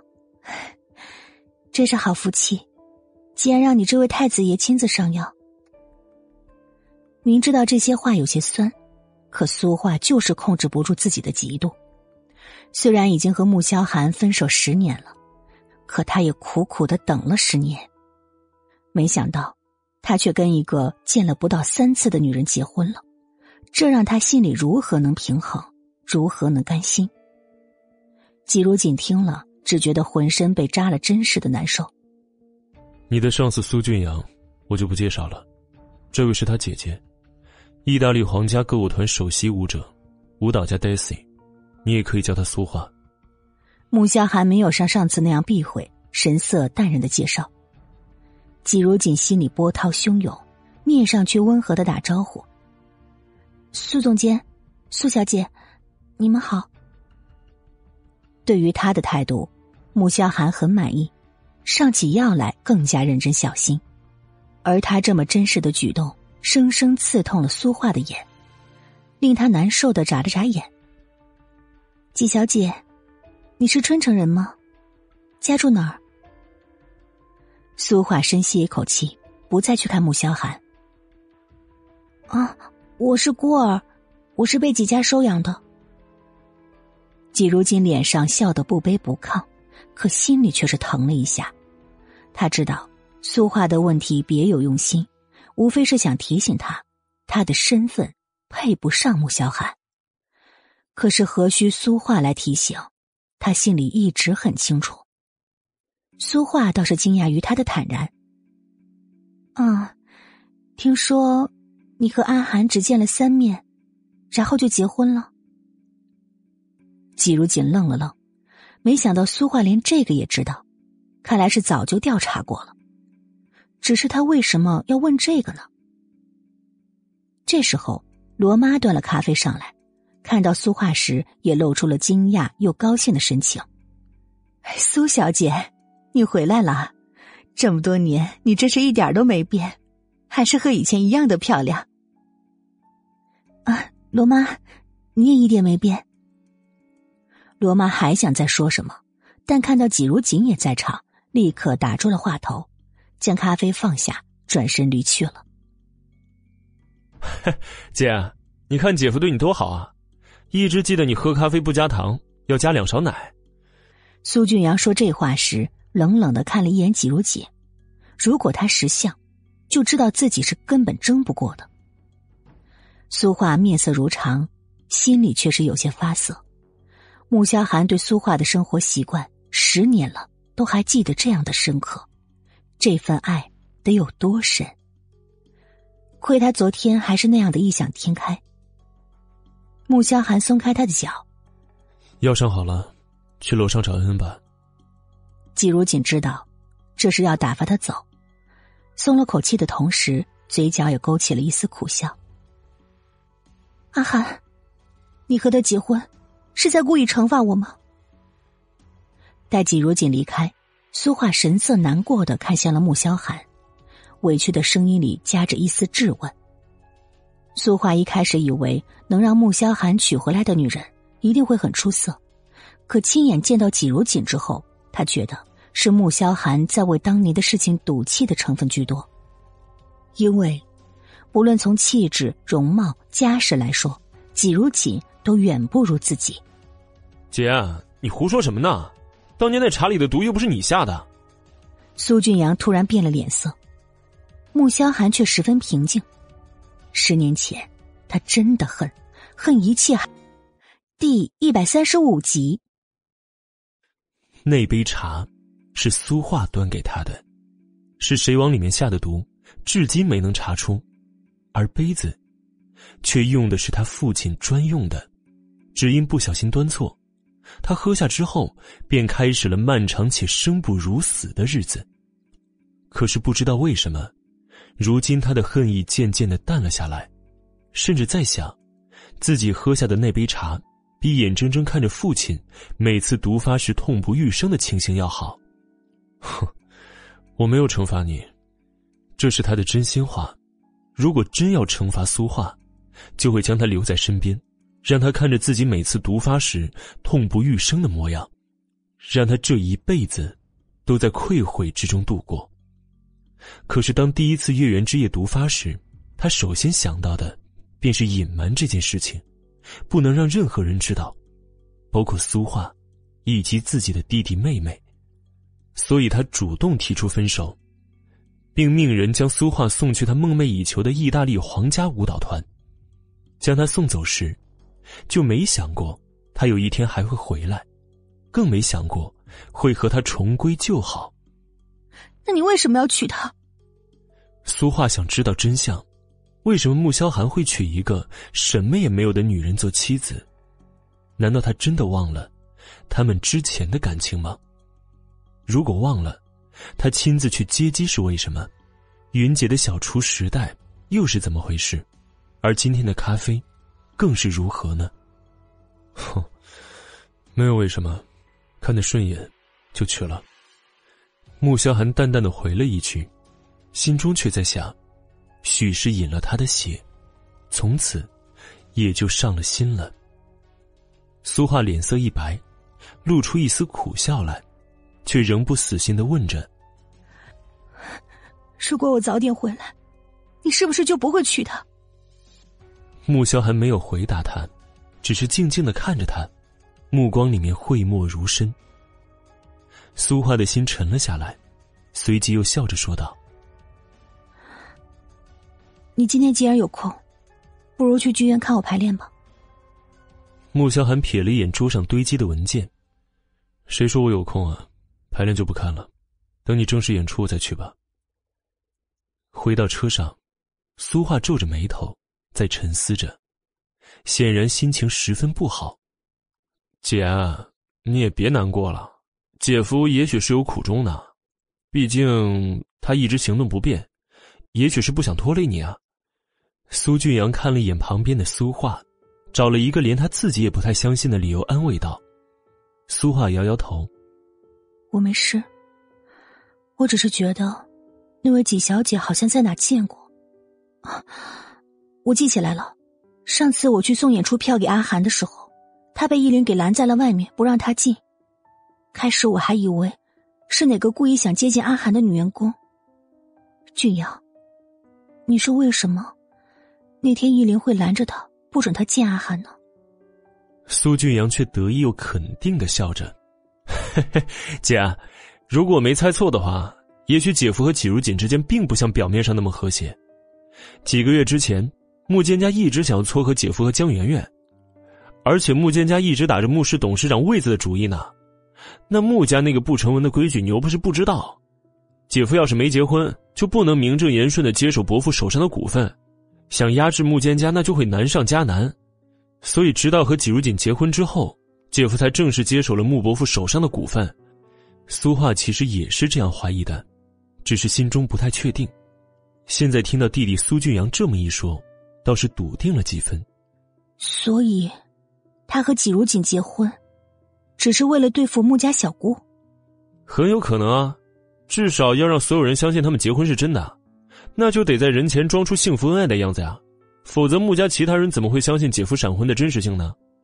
苏俊阳越说，越觉得自己的猜测是对的，眼中也就越兴奋，但随即，脸色又沉了下来。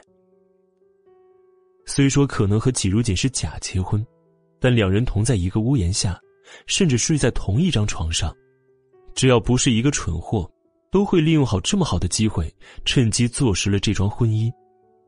季如锦表面上看着老实软弱，但实际上却是一个十分聪明的女人。姐夫和她会不会已经……想到这儿，他握紧方向盘，手背上青筋暴起，在压制着心中莫名的怒意。苏画镜子想着自己的心事，并没有察觉到自己弟弟的情绪变化。两人一路想着各自的事情，便没再说一句话了。季如金走进书房，看到穆萧寒坐在落地窗前，手中端着一杯茶，目光落在外面，似乎在想些什么。怎么这么快就下来了？穆萧寒的思绪拉回，看到站在门口犹豫着要不要进来的季如锦，眼底的淡漠染上了一抹温柔。季如锦抿着唇，想到刚刚上去找穆恩恩，结果看到那小妮子。正在调戏新来的英语补习老师，还嫌他碍眼，把他赶下来的事情，就觉得，真是男人长得太好看了，也不是什么好事儿。比如穆萧寒，若非他长得好看，也不至于那么多的女人一个个前赴后继的往他身前蹭，而他也。第一百三十六集。嗯，恩恩正在补习呢。我在旁边打扰他不太好，我就下来了。我拿了之前还没有看完的书，我马上就走。季如锦说着，走到穆萧寒身边的躺椅上，拿起了那本正在看的《嫌疑人 X 的现身》。听说最近这部电影正在热映，想不想去看啊？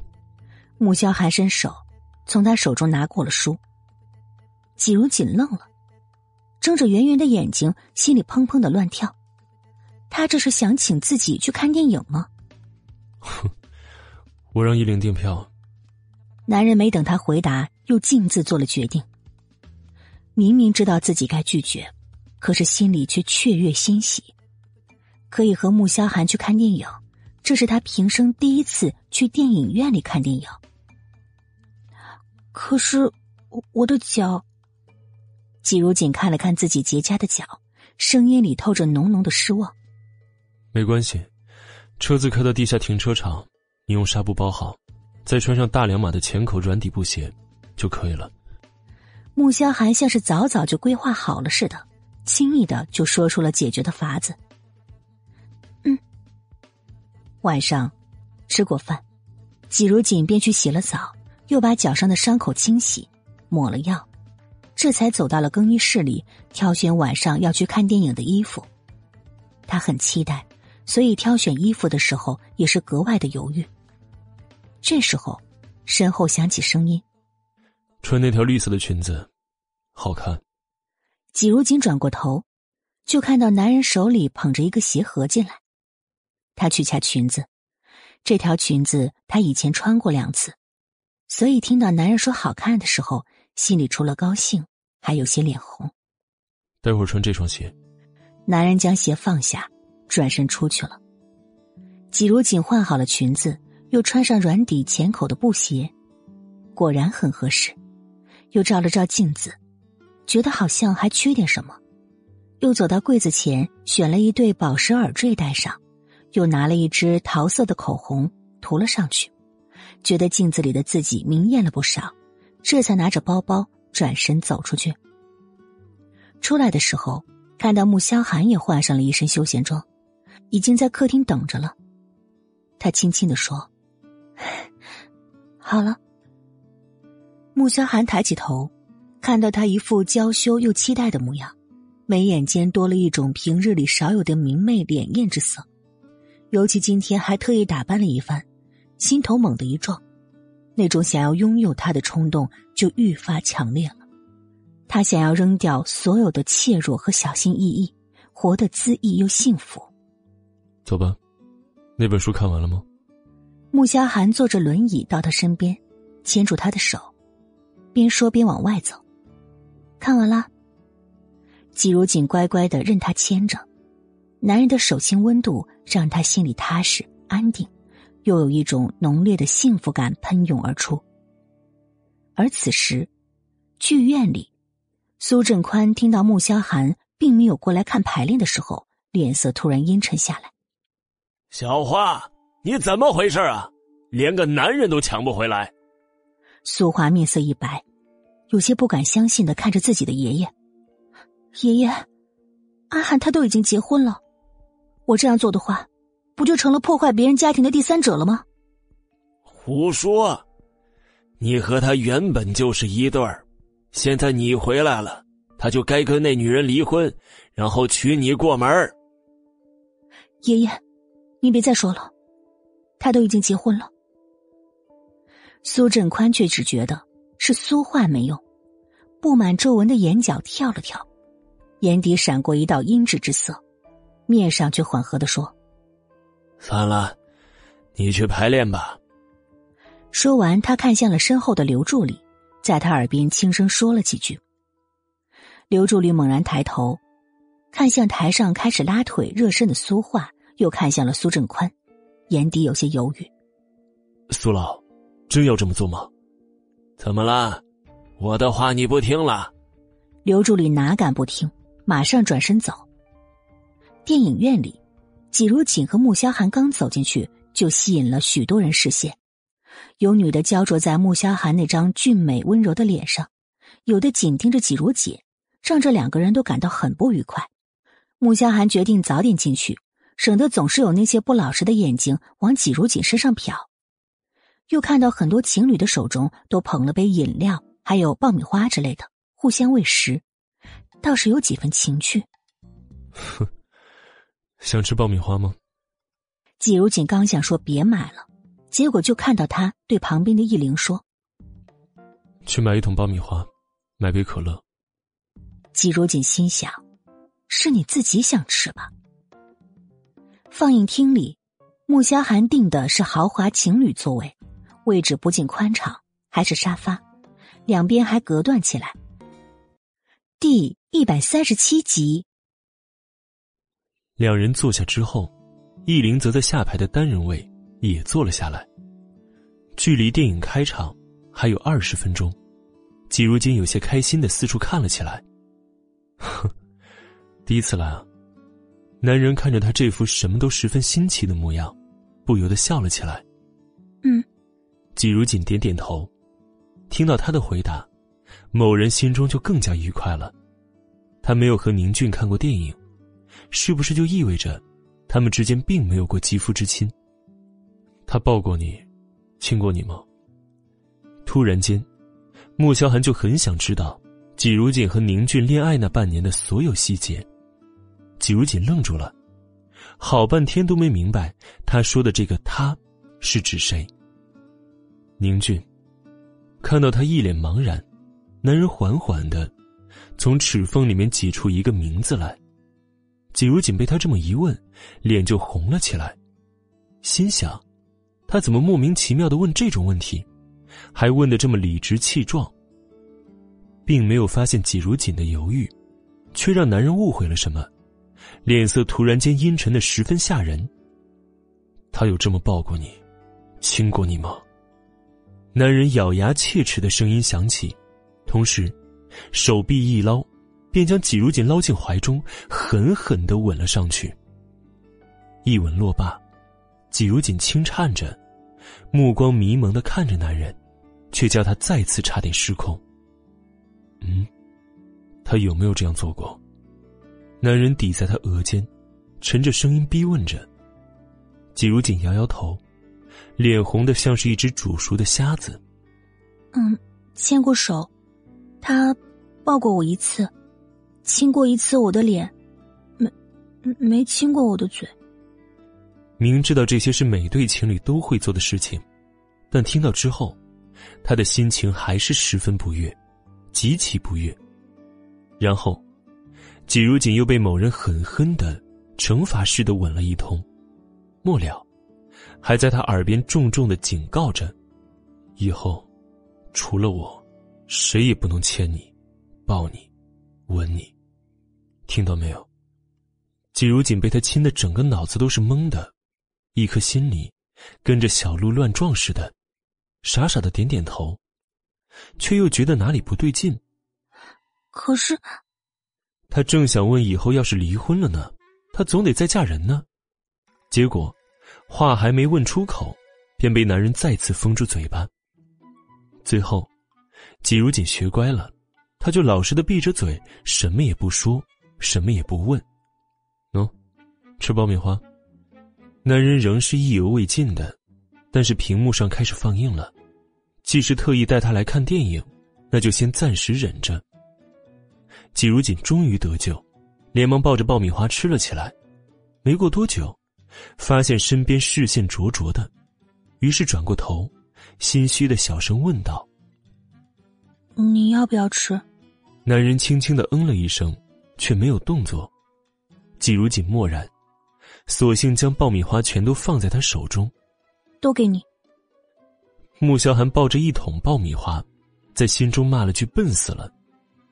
剧情在石红去陈静开的小吃店点招牌套餐的时候，穆萧寒的手机响了起来。季如锦下意识的看向男人的手机，是苏画打来的。穆萧寒剑眉微皱，最终还是接了起来。脸色猛然一变，挂断电话，看向季如锦：“你继续看电影，结束之后司机会接你回去。我有事情要先走了。”说完，也没去看季如锦，立即拨通了易林的手机。季如锦愣愣的坐在那儿，看着穆萧寒离开，从头到尾也没有告诉他是什么事情要走。但无论是什么，苏画的事情。对他来说就是最重要的事情吧。季如锦其实并不是特别想看电影，因为他看了原著，里面的剧情他从头到尾全都知道，只是因为他说要带他来看，这才欢欣雀跃的。可是没想到，电影才刚刚开始，他又要扔下他一个人走了。但季如锦还是一个人看完了，因为穆萧寒说会让司机来接他，于是他就乖乖的坐在这里等电影散场再回穆家。到了晚上十二点，季如锦在床上翻来覆去的睡不着，这么晚了，穆萧寒还是没有回来，脑子里面全是穆萧寒今天在电影院里面紧紧的抱着他，亲吻他的画面，还有。他接到苏画的电话之后，匆忙离开的那一幕。也许在没有苏画介入的时候，穆萧寒或许是有些喜欢他的。可是苏画的出现，让他的存在便可有可无了。虽然明知道这是理所当然的，人家毕竟相爱了这么多年，但心中却抑制不住的嫉妒和疼痛。他深吸一口气，关掉灯。整个人埋进被子里面。到第二天早上，醒来时下意识看向身边，还和昨天晚上一样。看来这一晚上，穆萧寒并没有回来。想到这儿，他的心又跟猫爪挠似的难受。洗了脸，刷牙，换上套装，给脚抹了药，又装进包包里面，穿上昨天。第一百三十八集。吃过早餐，直接去了墓室，而季如锦前脚走，穆萧寒后脚也回来了。他第一件事就是上楼，结果到了二楼，找遍了也没有看到季如锦的身影。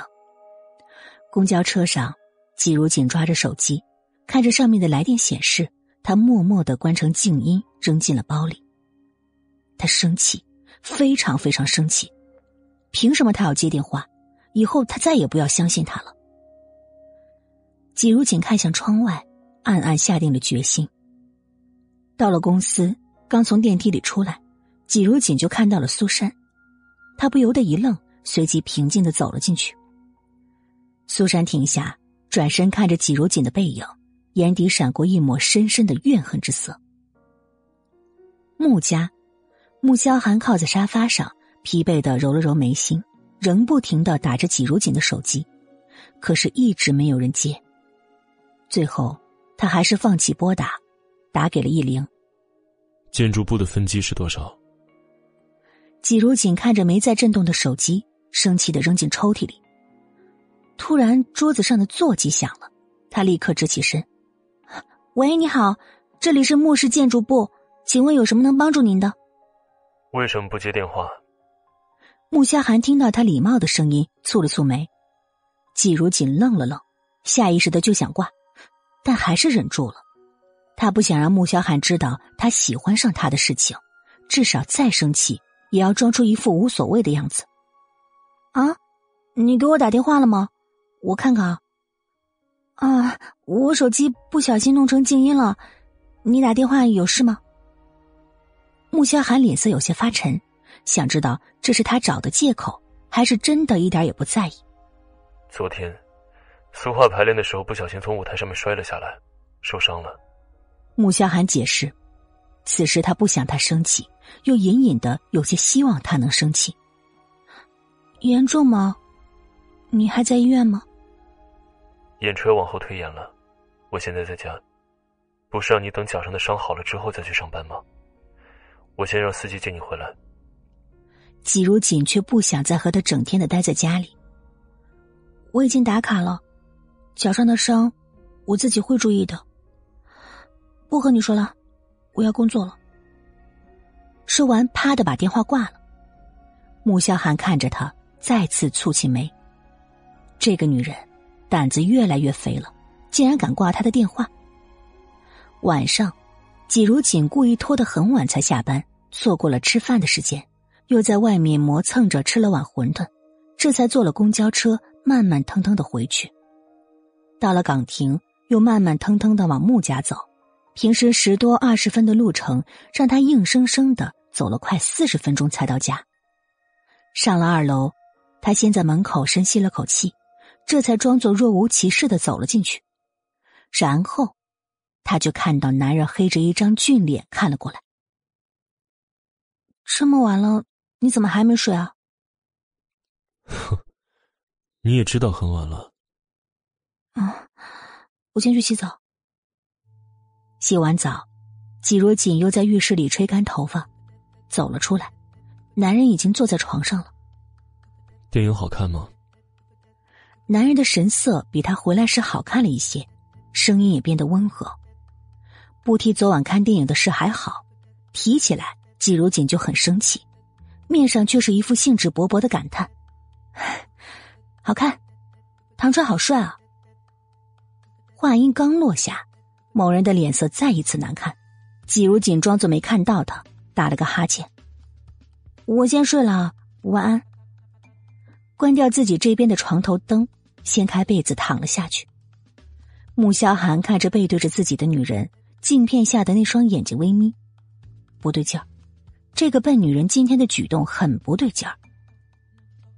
半夜睡醒之间，季如锦只觉得脚上冰冰凉凉的，他嘟囔了一声，准备翻身时，却发现脚被人抱着，传来男人的声音：“别动。”季如锦彻底醒了，他猛地坐起来，发现男人正在另一头给自己上药呢。他这才想起来自己洗完澡之后还没上药，他看了眼时间。已经快十二点了，你睡吧，我自己来。不用，白天在家我已经睡过了，现在不困。男人没有松手，继续抹着药。季如锦却用力的抽回自己的脚。穆萧寒，你的好意我心领了，但是以后我的事情，你还是不要管了。这话里有几分赌气的成分，但更多的是出自真心。他怕自己会习惯性的去依赖他，怕自己会变得脆弱，怕哪天离开他的时候，却发现自己没了他会活不下去。你在生气吗？因为昨天晚上我把你一个人扔在电影院，你生气了。本集播讲完毕，更多精第一百三十九集。没有，你去看他天经地义吗？我只是觉得，我们的关系仅止于那份协议就可以了。你没有义务为我做这些，我也不想依赖你。季如锦的态度是少有的强硬坚决，即使再大的困难，他都会咬牙挺过去，可也不想再给自己添烦恼和痛苦了。穆萧寒此时的神情正如他的名字一般，萧肃。森寒，他紧紧的盯着季如锦，看着他顽固倔强的样子，气得发笑。呵，仅止于协议。那昨天晚上在电影院里面，我抱你，亲你，这些可是协议上没有的。你不打算让我负责吗？这是在暗示他，大可以赖上他。那个，你，你以后再也不要那样就可以了，而且。再有下一次，你别怪我不客气。季如锦的脸红了，最终咬紧牙关，故作凶狠的瞪着穆萧寒，警告道：“穆萧寒觉得自己快被他气出内伤了。你竟然这么大方啊！所以昨天晚上你说和宁俊在一起半年的时间，却只牵过手、亲过脸，也都是假的吧？他是不是对你做过这样的事情啊？”他冷笑着。神情充满了嘲讽，话音落下，便抓着季如锦的手拖了过来，压在身下。季如锦愣住了，当发现男人的手放在什么地方时，随即明白他这话中的意味，瞬间感到了浓浓的羞辱。穆小寒，你混蛋！你眼泪在眼眶里面积蓄着，却还是忍住没有哭出来，委屈又愤怒的。冲着男人吼道：“到了早上，季如锦是第一个到公司的，刚泡了一杯茶，坐下准备工作，就看到苏俊阳进来了，手中拿着一份八卦报刊，扔在他面前。他看了一眼，封面上的一行标题顿时刺得他眼睛发痛。著名舞蹈家戴斯即将嫁入豪门，启底穆家太子爷与舞蹈家十年爱情长跑。苏总，你给我看这个干什么？季如锦看了一眼苏俊阳，声音淡淡的问道：“哼，季如锦，你也看到了，外面都这么报道了，你不觉得自己还赖在穆家很可笑吗？”苏俊阳笑得嘲讽又得意。季如锦当然知道。自己现在的处境可笑而尴尬，可却并不关他苏俊阳的事情。可不可笑，那也是我的事，不劳您关心。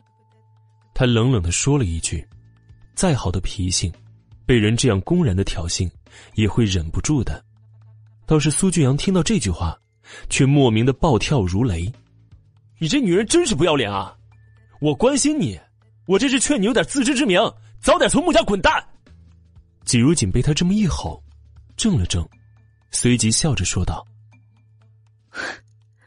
从穆家滚蛋，好给你姐腾地儿吗？”苏俊阳的脸色阴沉如水，冷冷的瞪着他：“哼，你清楚就最好。”苏总，你说如果我把我和穆夏寒的婚书发到网络上，会造成什么样的影响？季如今忍着心中的怒火，目光静静的看着苏俊阳，轻轻的问了一句：“你？”你敢！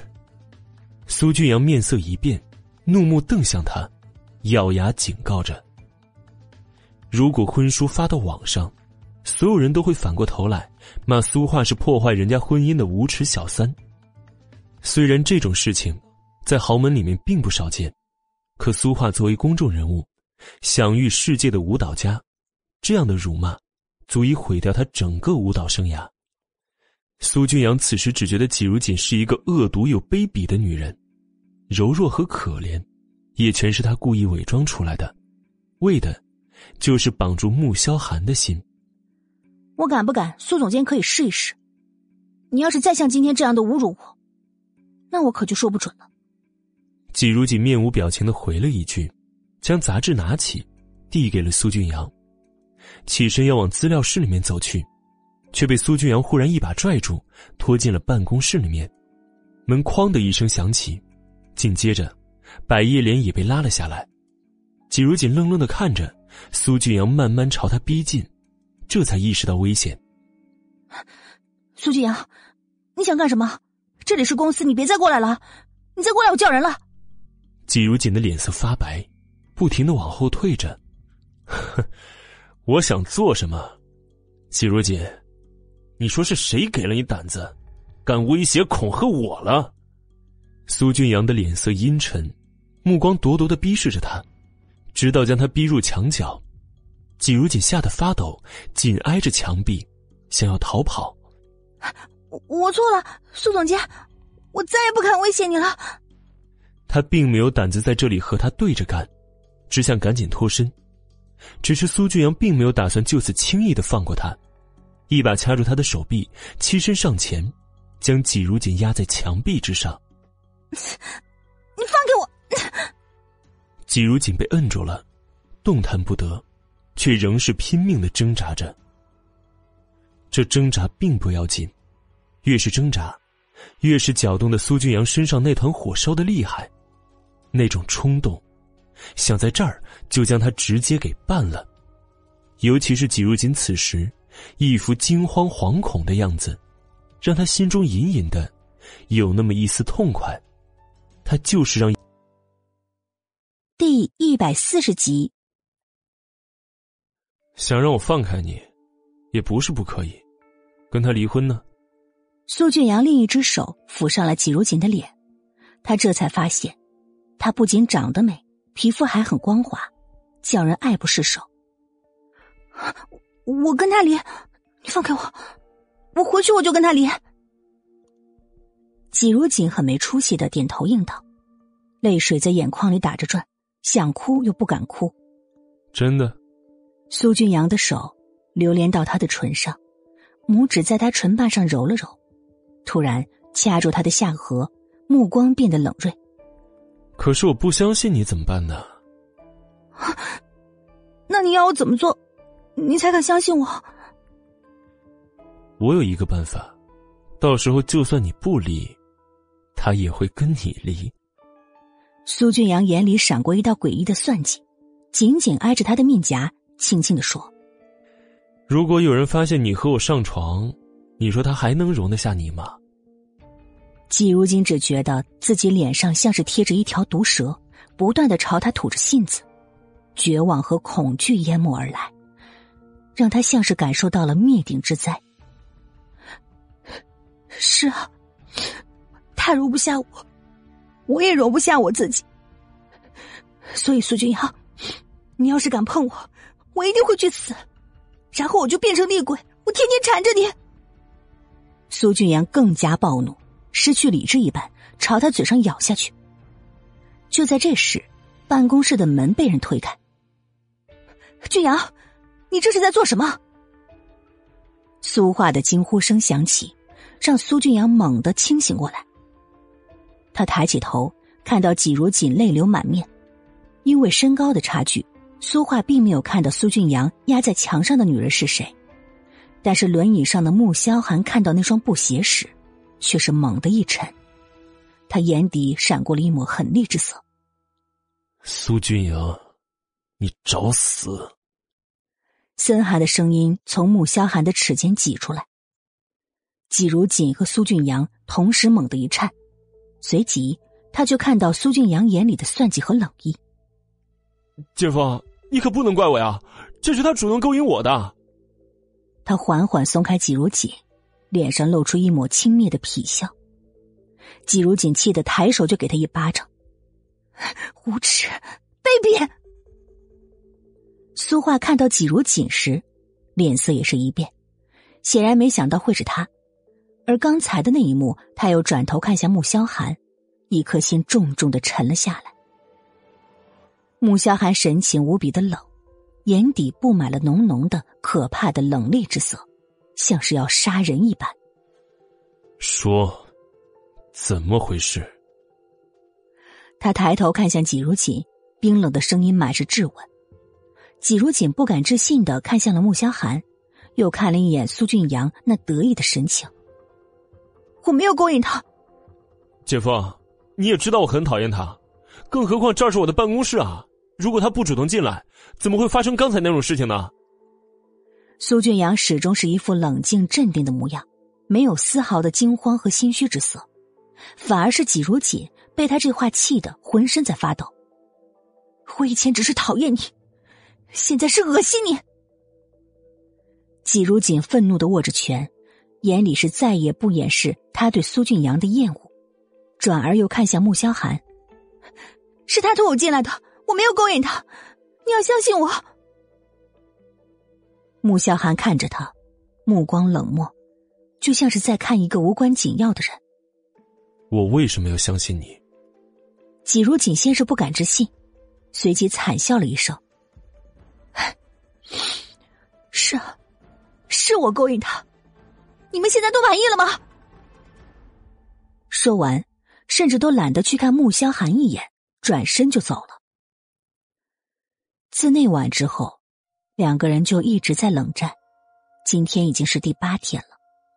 这段时间，他每天早出晚归，睡在隔壁的卧室里，到今天才是第三次见面。刚才在楼下碰巧遇到苏画来找苏俊阳，苏画问他要不要一起来看看，想到几天没见那个笨女人，便同意了。结果就撞见了刚才的那一幕。姐夫。你也听见了吧？他自己承认了。苏俊阳坐下来，脸上露出一丝嘲讽。刚才他还说要把你们的婚书的照片发到网上去，想毁了姐姐的名声和事业。这么恶毒下贱的女人，你今天也算是看清她真面目了吧？哼！所以，你恼羞成怒，把她拖进来，对她行不轨之事。穆萧寒捏了捏拳头，声音淡淡的。却充满了浓浓的危险。姐，姐夫。第一百四十一集。呃，当然是啊，我为什么要骗你呢？苏俊阳被这眼神看得心中发虚，牵强的笑着。为了让我和他离婚啊，再让我娶你姐姐，这不是你一直在做的事情吗？穆萧寒似笑非笑，目光锐利而冰冷，再也没有往日对他的温和，而他的话，也让苏画的脸色刷白一片。阿寒，你误会俊阳了，他不会这么做的。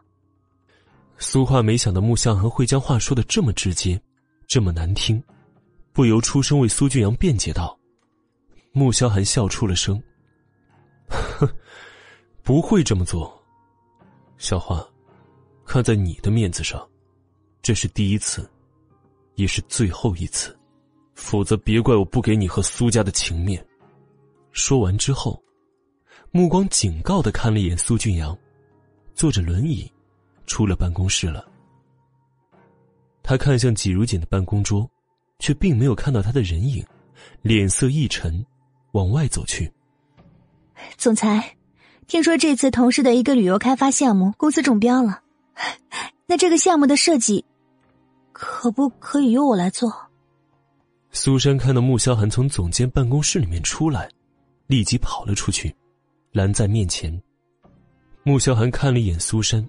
便想到了季如金脚上的伤，脸色更加阴沉，正准备发落，就见季如锦垂着头走了出来。关于同事湘潭山旅游开发项目的设计，公司高层会议之后会下发通知。苏俊阳办公室里面，苏画脸色难看的质问道：“俊阳，你为什么要这样做？”姐，你等了他十年了，现在他却和别的女人结婚。我就是想帮你拿回原本就该属于你的一切。苏俊阳的声音十分激动，心里却懊恼自己的失控。俊阳，你以后不要再这样了。而且我这次回来也没有打算长待。等演出结束，我还是要回到意大利的。至于我和阿寒，话到这里，他没再说下去了，因为这次回来，他发现自己还爱着穆萧寒。要放弃，实在太难。姐，你想放弃啊？爷爷是不会答应的。苏俊阳不可置信的看着苏画，苏画摇摇头，转身打开门走了出去。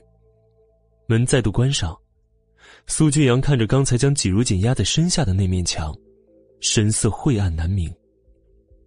下午，快要下班的时候，苏俊阳开了一个设计师的会议。而作为实习生的季如锦也被一起叫上了。穆氏得到了同事湘潭山的旅游开发项目，而这次的项目将投入资金高达上千个亿。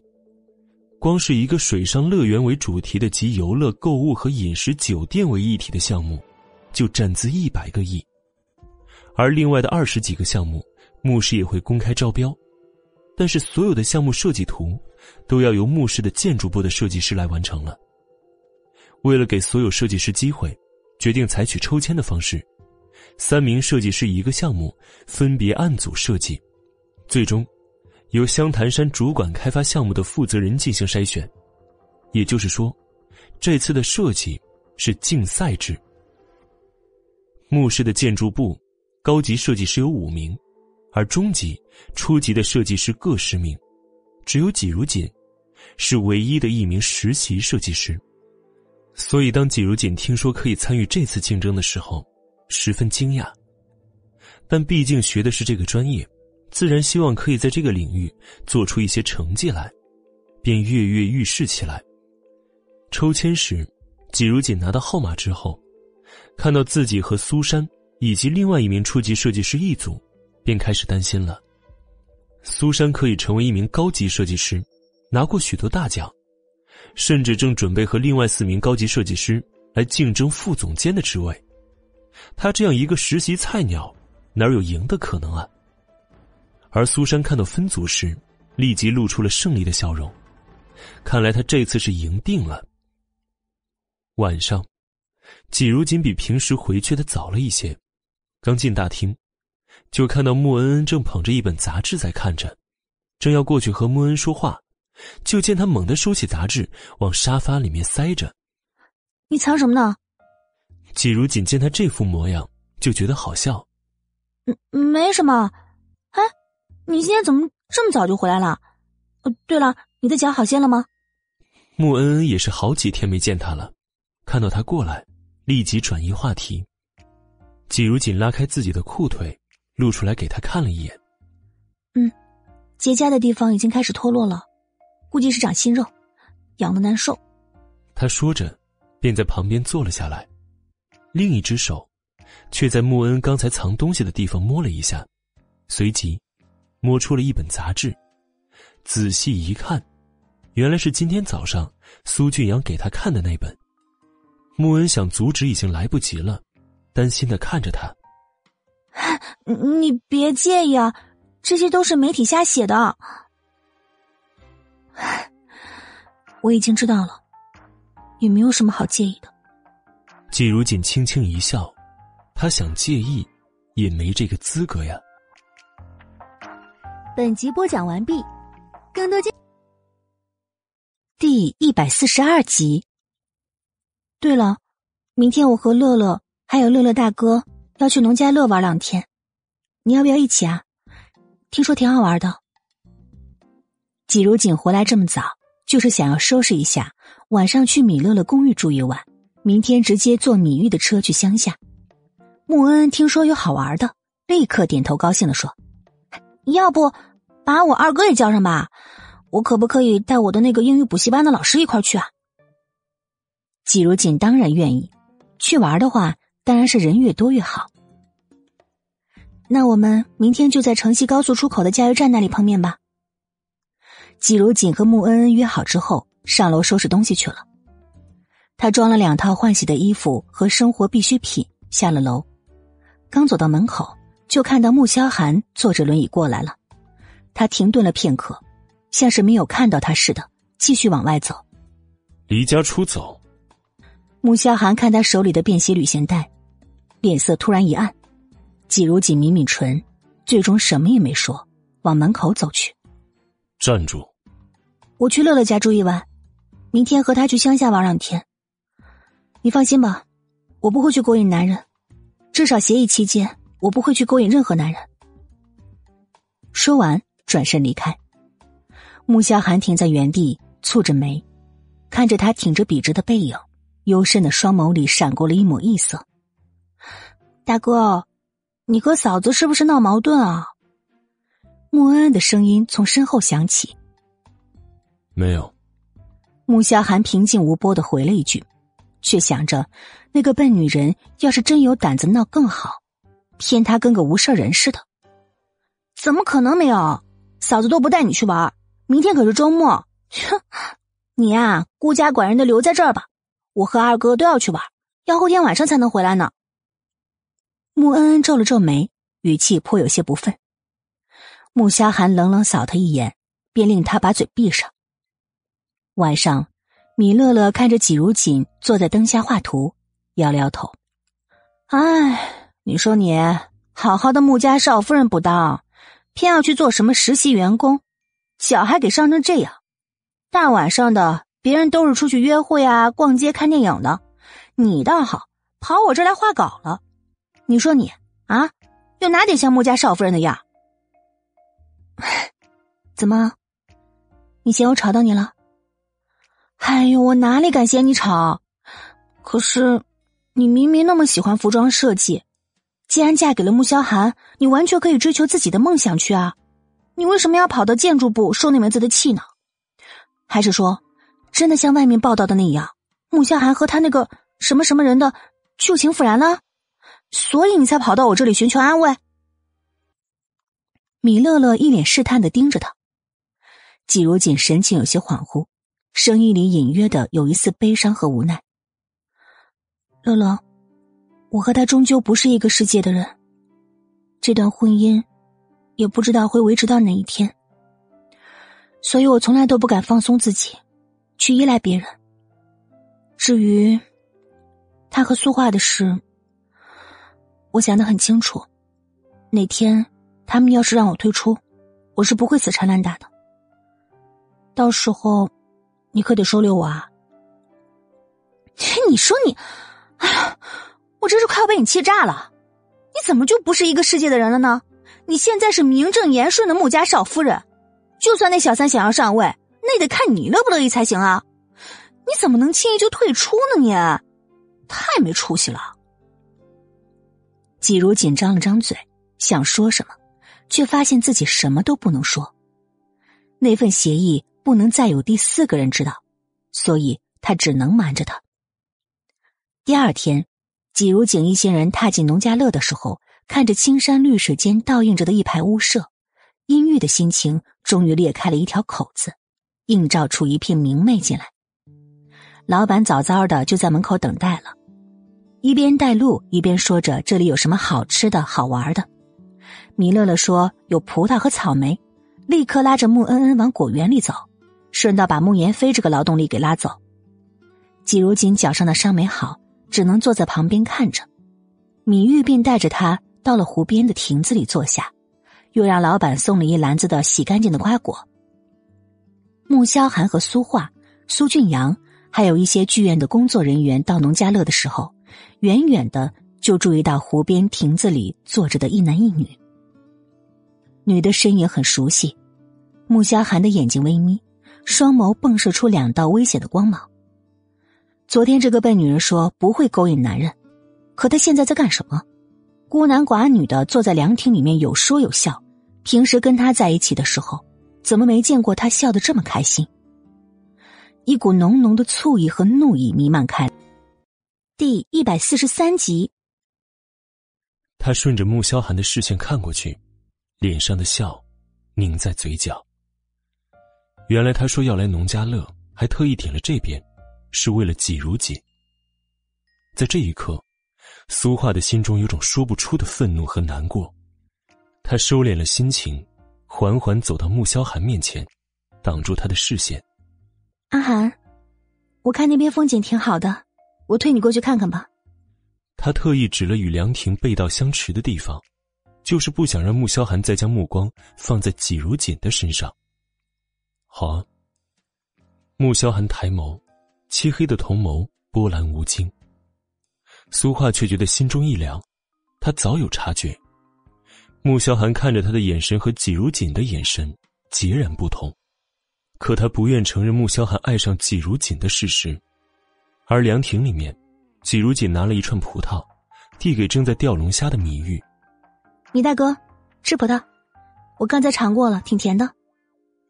米玉手中拿着两根竹竿，旁边还放着六根，抽不开手，便张张嘴示意季如锦喂他。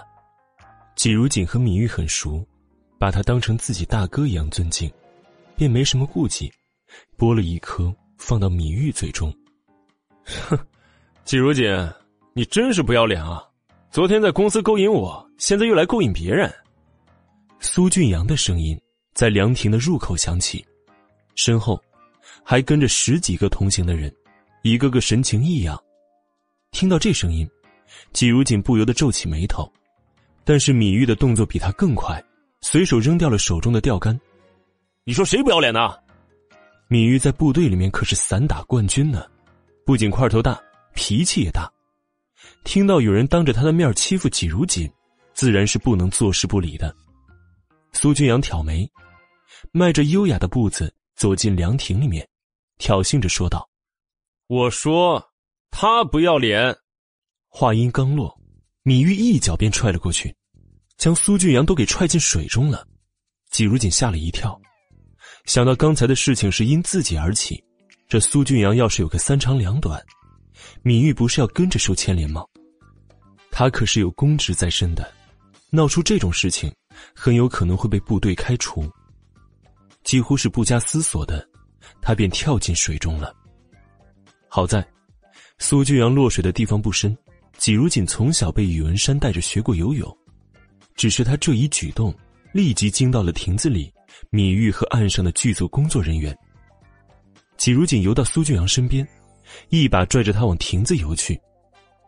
穆言飞和穆恩恩还有米乐乐，抱着几篮葡萄和草莓过来，看到两人从水中爬起来，立即跑了过去。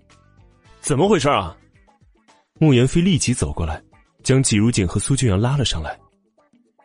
季如锦浑身湿漉漉的，衣服紧贴着。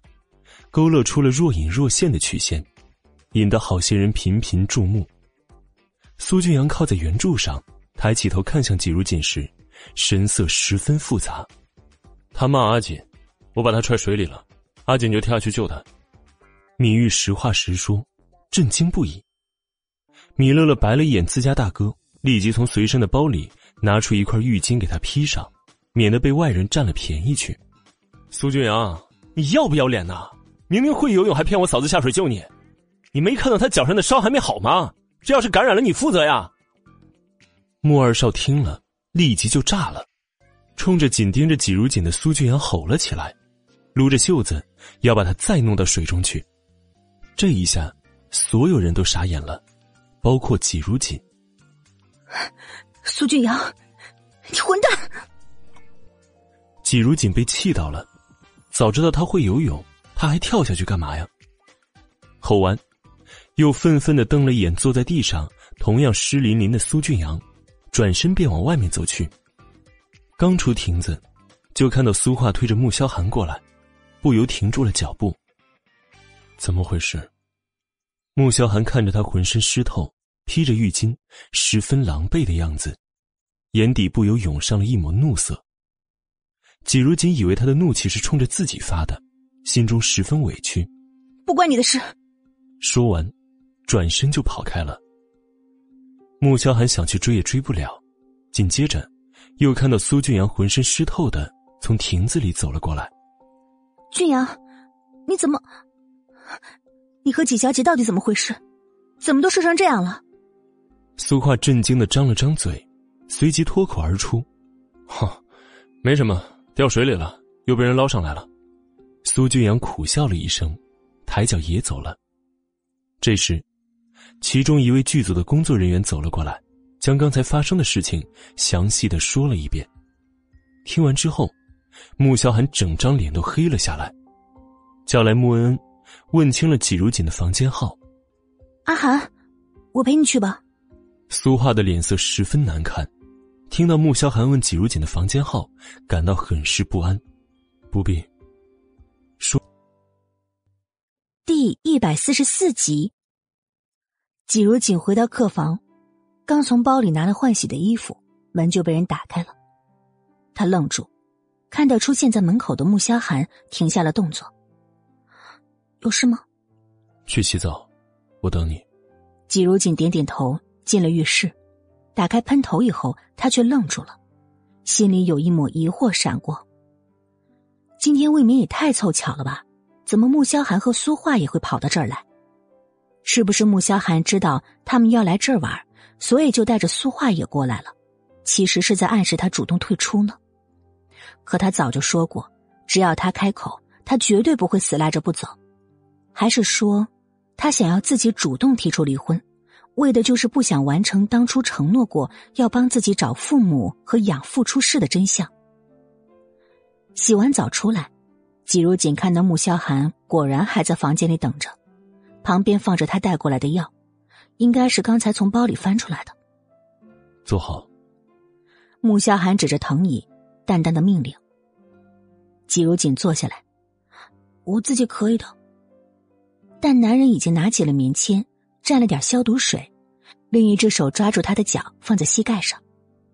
季如锦没再抗拒，而是寻思着要怎么开口。为什么要跳下去救他？我以为他不会游泳。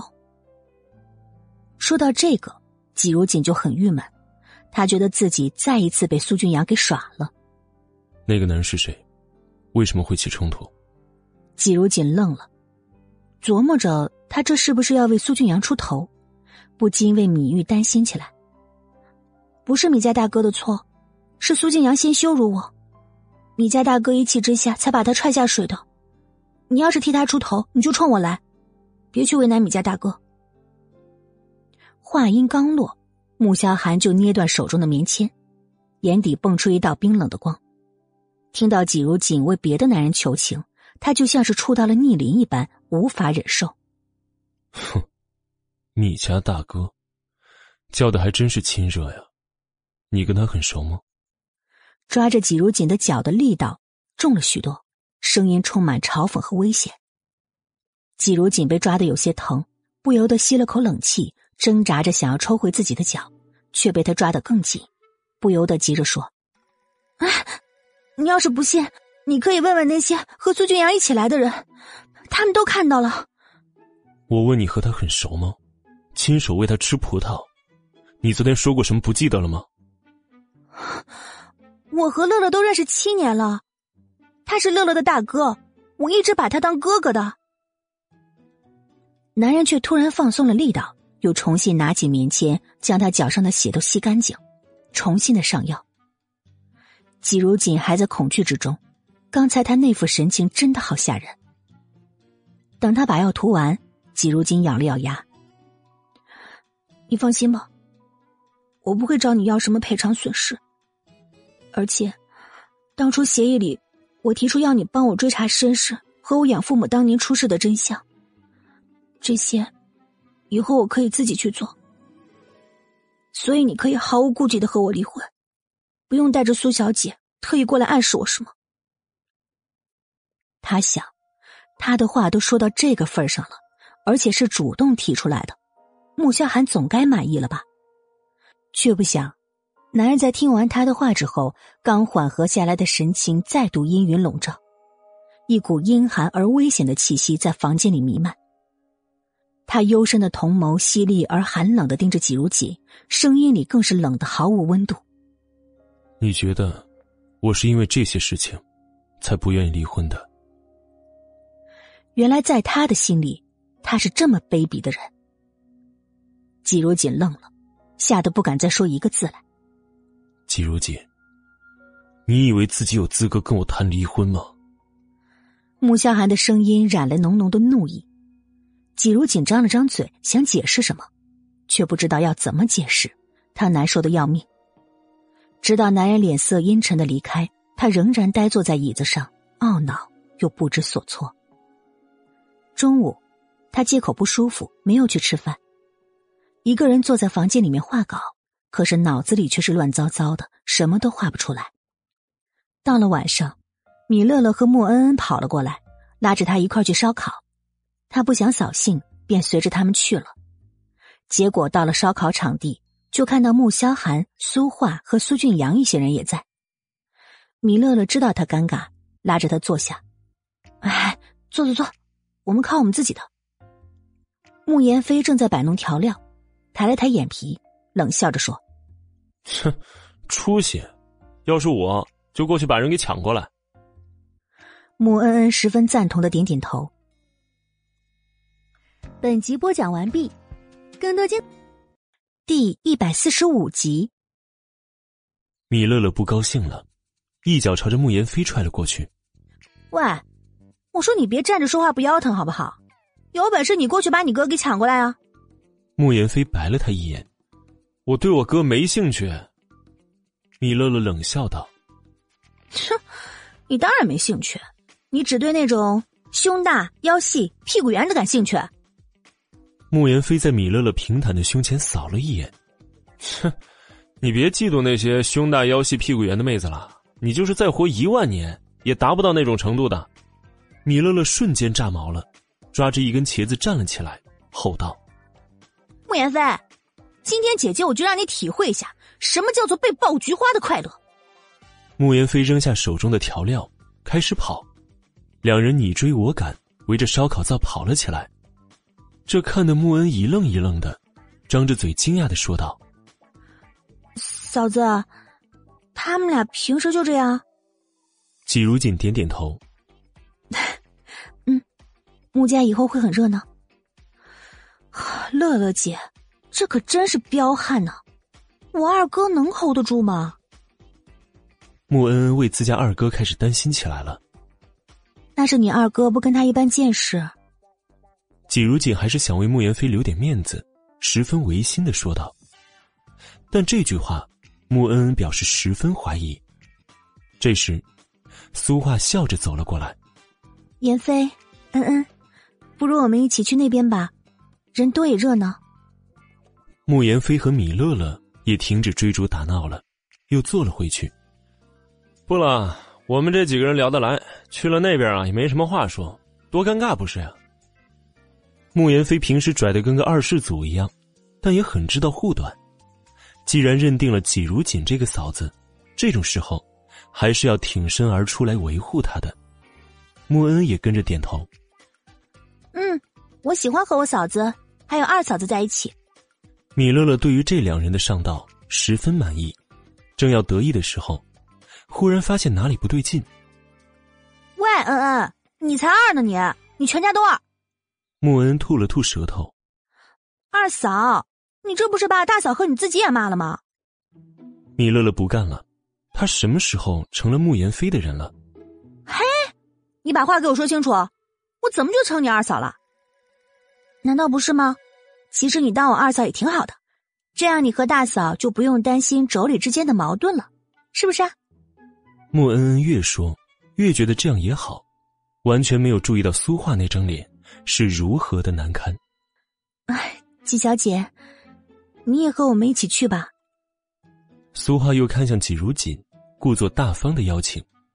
季如锦摇摇头，笑着说道：“不了，苏小姐，你的盛情我心领了。不过，你看我们这边都弄好了，就不过去凑热闹了。”苏画原本是想着把穆言飞和穆恩叫过来，可没想到。这两兄妹根本不给他面子，于是只好将目标转向了季如锦。然而季如锦看着性子软弱，可是却同样的不假辞色。他顿时觉得自己十分没面子，脸上的笑也淡了几分。啊，既然这样，那我就先去了，你们慢慢考。说完，转身走回对面，在穆萧寒的身边坐了下来。一脸委屈的抱怨道：“阿寒，我特意去请他们一起过来烧烤，他们也不肯过来。我觉得妍飞和恩恩好像对我有很深的误会似的。以前他们也不是这样的，真不知道怎么就会这个样子。”他这意思是在影射季如锦在穆言飞和穆恩恩面前挑拨离间了。穆萧寒却是深沉如水的看了他一眼。他们一直都是这样的。苏画被他这眼神看得极不自在，轻轻的笑了笑，拿起一串烤好的羊肉。吃羊肉。穆萧寒接过去，慢条斯理的吃了起来。阿寒，我看这里也没什么好玩的，不如明天上午我们就回去吧。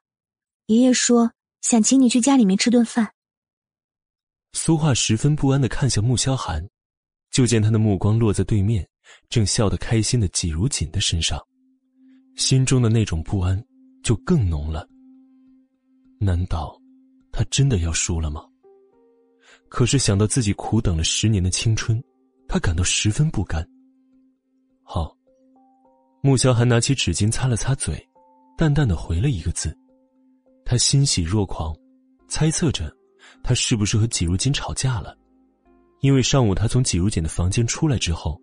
脸色就一直很不好，而且，明明是夫妻，为什么要分开两间房间呢？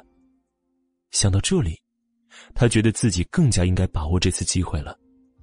左印怎么也没想到会再次见到季如锦，而且还及时的救了他一命。到了早上，季如锦醒来的时候，就听老板说昨天的另一批人今天天还没亮就走了，他不但没有松一口气。相反的，心中更加难受。穆萧寒这是彻底。第一百四十六集。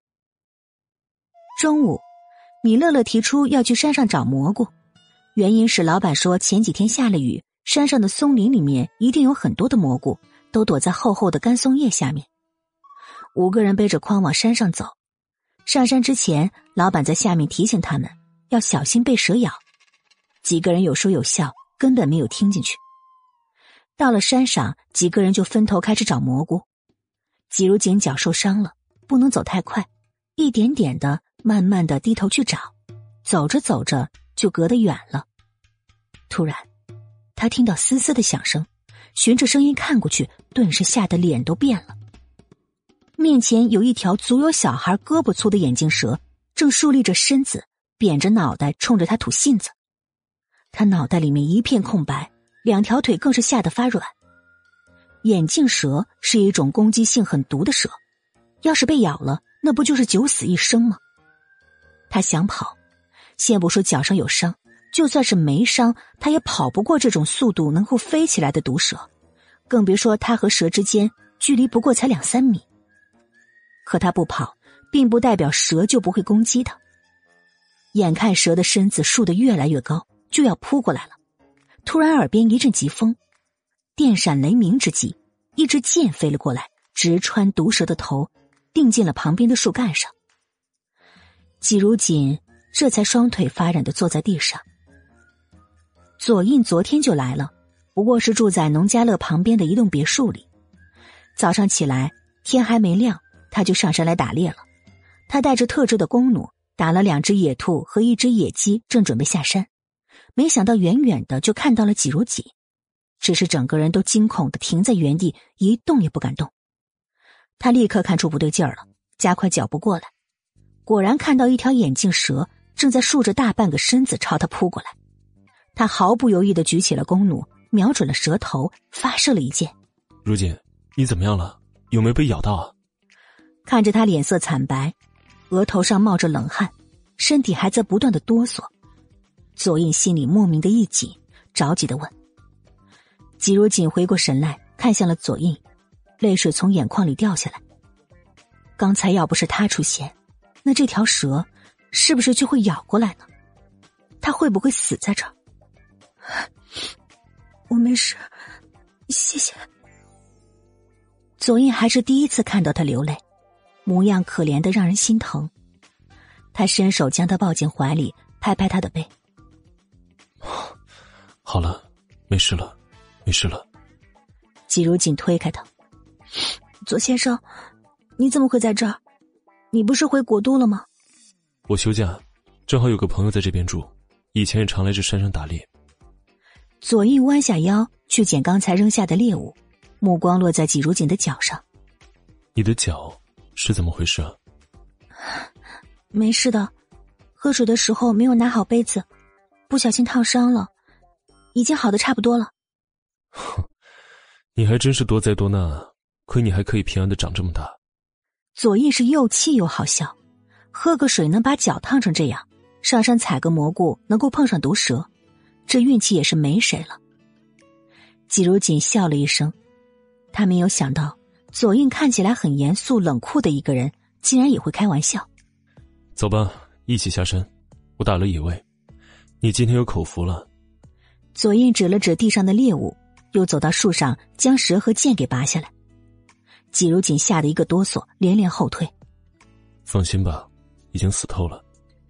左印安抚了他一句，将蛇放到一个皮口袋里。可是我还有朋友呢，待会儿我们打算要回去了。季如锦其实不太愿意和左印有过多的接触，但他刚才算是救他一命了，他又不好拒绝。走吧，我下午也要去春城。到时候顺路把你带过去，你跟你的朋友说一声，让他们先走就是了。左印并不打算邀请季如锦的朋友，但也不打算就此让季如锦从眼皮子底下离开。对他来说，能在这里遇到他，让他内心充满了一种难以言喻的欣喜。季如锦拒绝不了，只好打电话给米乐乐，然后便随着左印下了山。到了山下的别墅，刚进铁门。便有一个头发半白的老人笑眯眯的走了过来。哟，你这出去一趟，怎么还带了位姑娘回来呀？老人看了一眼他手中的战利品，又看向他身后的季如锦，笑得很意味深长。季如锦觉得这眼神怪怪的，让他很不舒服。您好，我姓季，您叫我小几就行了。老人点点头。从左印手上接过猎物，走了进去。潘叔是我父亲以前的部下，现在退休了，不问世事，住在这里俨然成了一位世外高人了。左印拍了拍身上的树叶灰尘，走到树下的凉椅上坐下，倒了一杯茶放在季如。第一百四十七集。季如锦对这些事情不感兴趣，只是静静的听着，也没多问。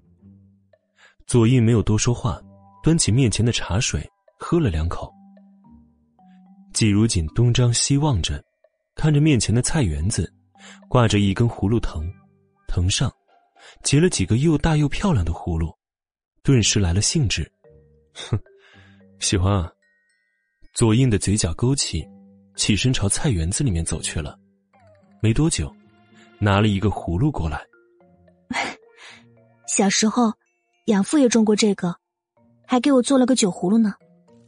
季如锦虽然那时只有七八岁，可是却是他人生中最快乐的一段时光，所以，即使隔了十多年，他依然深深的记在心中。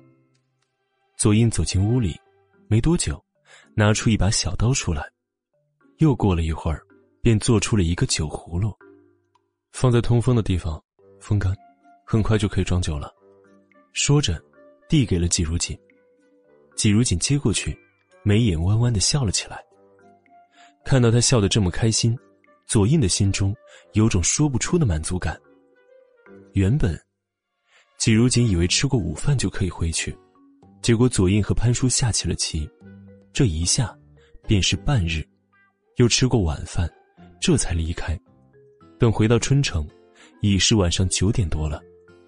左先生，你在前面的公交站把我放下就行了。季如锦看着还有一段路就到穆家的小区了，他不敢让左印送到岗亭，于是决定在面前的公交站上停下，然后走路回去。左印也没有坚持，将车停稳，待季如锦下车，按下车窗看着他。目光很是认真。如锦，今天我救了你一命，回去好好想想怎么报答我。季如锦瞪大眼睛，愣住了，刚想开口，左印冲他一笑，关上车窗，踩着油门走了。而不远处，穆萧寒坐在车中，目光阴沉的看着这一幕，捏紧拳头。季如锦不知该如何报答左印，但他可以感觉到，这次碰到左印。态度比之前变化很大，而至于这种变化是好是坏，他并没有深想，只觉得自己和左印、穆萧寒这样的人物，并不是一个世界的，以后能避就避。回到穆家，季如锦上了二楼，直接无视坐在客厅里面的某人，进了侧卧便再也没有出来。穆萧寒也没有跟过去，而是拿起手机拨了出去，去查清楚。左印来春城做什么？而此时的苏家，左印的车刚停下，苏振宽便迎了上来，热情的握起手来。哎呀，左先生可真是稀客呀！欢迎欢迎。早上，季如锦带着快要完成的设计稿到达公司，将稿子放好，手机便响了起来。他拿起一看，不由皱着眉头：“如锦，怎么不接电话呢？”该不会是什么追求者的电话吧？陆茵茵凑了过来，一脸八卦的问道。季如锦眼皮一跳，苦笑着摇摇头，按下了静音键，便将手机扔进抽屉里面，没再去管了。哎，这是你的设计稿吗？哎呦天哪，如锦，你还真是天才啊！这些你是怎么想到的？陆茵茵的目光落到季如锦桌上的设计稿上。发出一声惊叹，季如锦连忙捂住她的嘴，叹了一声气，说道：“哎，茵茵，你小声一点。我这算什么天才啊？和苏珊分到一组，结果已经可想而知了。”陆茵茵点点头，等季如锦松开手，这才小声的说道：“你也别这么想，苏珊呢，也是从实习生一步一步爬上来的。你想想，她进牧师也才三年。”就能坐上高级设计师的位子，只要你努力，也能一样的。谢谢你，茵茵。季如锦听到他这么鼓励自己，顿时充满干劲，感激的道了一声谢。可是抽屉里的手机又响了起来，他打开一看，还是左英打来的。你还是接吧，要不然响个不停，烦人。陆茵茵劝了一句，转身走回自己的座位上。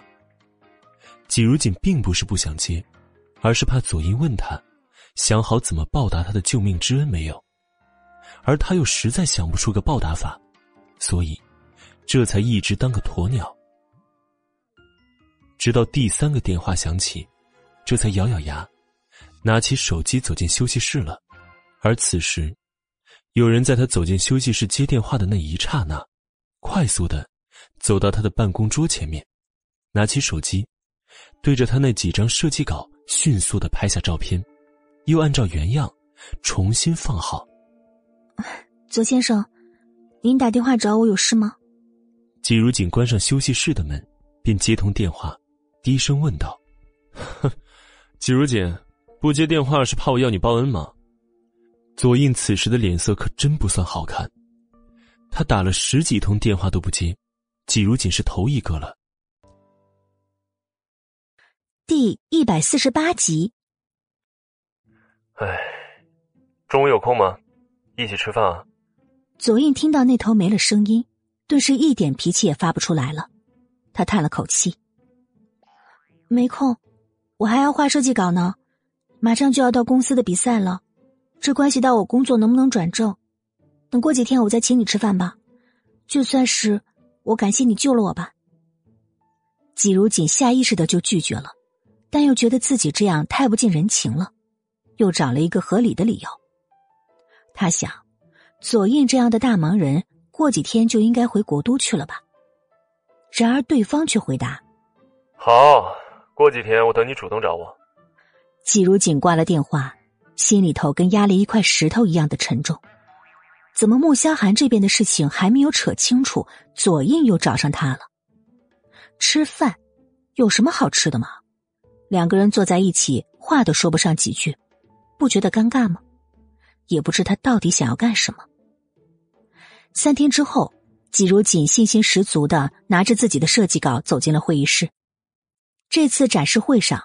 会在这次同事主管开发项目的领导面前将设计图展示出来，每个项目三份不同样式的设计图，最终由几位领导和苏俊阳共同甄选。按照当时的会议，这次的胜出者将会得到一笔丰厚的奖金，也是一次难得的提升资历的机会。季如锦想快点转正，就要从这次的设计比赛中胜出，但他着实是没什么信心的，可又对自己的设计充满了期待。季如锦这一组是第三组进行展示的，前面两组展示的很快，因为高下立见，当即拍板敲定了胜出者。到了第三组，按资历进行展示，第一位当然是苏珊。苏珊今天穿了一套白色的套装，经过精心的打扮，信心十足的走到主讲台前，将 U 盘连接电脑，紧接着 PPT 在投影上显示出来。当季如锦看到他的设计图的时候，猛然的站起来，震惊的瞪大了眼睛。他这一系列的动作立刻引起所有人的侧目，包括坐在评委席上面的几名领导，还有苏俊阳。季如锦，你干什么？还不坐下！苏俊阳皱着眉呵斥他。季如锦缓缓坐下来，可是脸上的震惊和不敢置信仍然掩饰不住。这是怎么回事？为什么苏珊和他的设计是一模一样的？十分钟的时间，苏珊演示完毕，接着是同组的初级设计师，因为有苏珊的设计图在先，这位设计师被立刻比了下去，但还是很认真的演讲完毕。接着，就轮到季如锦了。季如锦缓缓站起来，不知所措，他第一次遇到这样的情况，完全不知该怎么处理。他脑子里面只有一片空白，不停的冒出三个字来：“为什么？”而这时候，许强和芬蒂已经将他的设计稿接了过去，正要放到投影机里面时候，猛然愣住了。这，这怎么回事啊？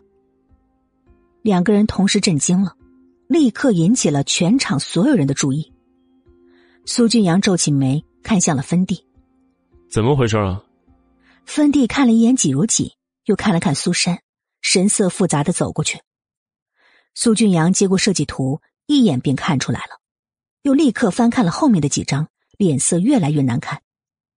抄袭事件在设计这一行并不少见，但凡抄袭者被揭穿，必定是臭名远扬，再也无法在设计这一行立足。而现在出现了两份相似率高达百分之九十的设计图，又是在这样公开的展示会上。这种行为不但可耻，还有损慕氏的业界名声。要知道，这次的项目为什么会由慕氏全权负责？一是慕氏有这样的实力，更是因为慕氏团队的专业性和在业界的赫赫名声。这是怎么回事儿？季如锦，你最好给我一个合理的解释。苏俊阳黑着一张脸，抓着季如锦的那一叠设计图，冷冽的质问。季如锦哪里能给什么解释？他自己都不知道。而且苏俊阳开口便是先质问他。这是不是就在心里面认定了是他在抄袭？我也不知道怎么回事，但是我没有抄袭，我的设计图都是我一笔一画亲手绘出来的。苏总监，你为什么只问我而不问问苏珊是怎么回事？苏俊阳沉眉，又看向了苏珊，却见苏珊缓缓站起来，一脸气愤的走过去。苏总，这种可恶又卑鄙的抄子！你要怎么处理啊？难道还让他继续待在公司吗？季如锦差点没笑出声来。我没有抄袭，他做不到像苏珊那样咄咄逼。第一百四十九集。哼，你没有抄袭，难道是我抄袭了吗？季如锦，你也不看看你是什么身份？我是这里的高级设计师，拿过大小奖项十几个了。业绩在公司也是出类拔萃的，我用得着抄你一个实习生的吗？还是谁给了你底气，敢在这这么不要脸的说话？苏珊气势逼人，姿态傲慢的看着季如锦，脸上是洋洋得意的笑容，心中却嫉妒的发狂。看来他真是小看季如锦了。当那个人把季如锦的设计稿发到他的邮箱时。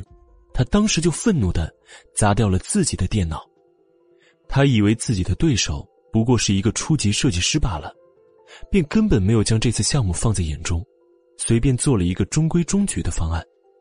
可是看到季如锦的设计图之后，他才发现，即使是自己最好的方案，在这份设计图面前比较，也是暗淡无光的。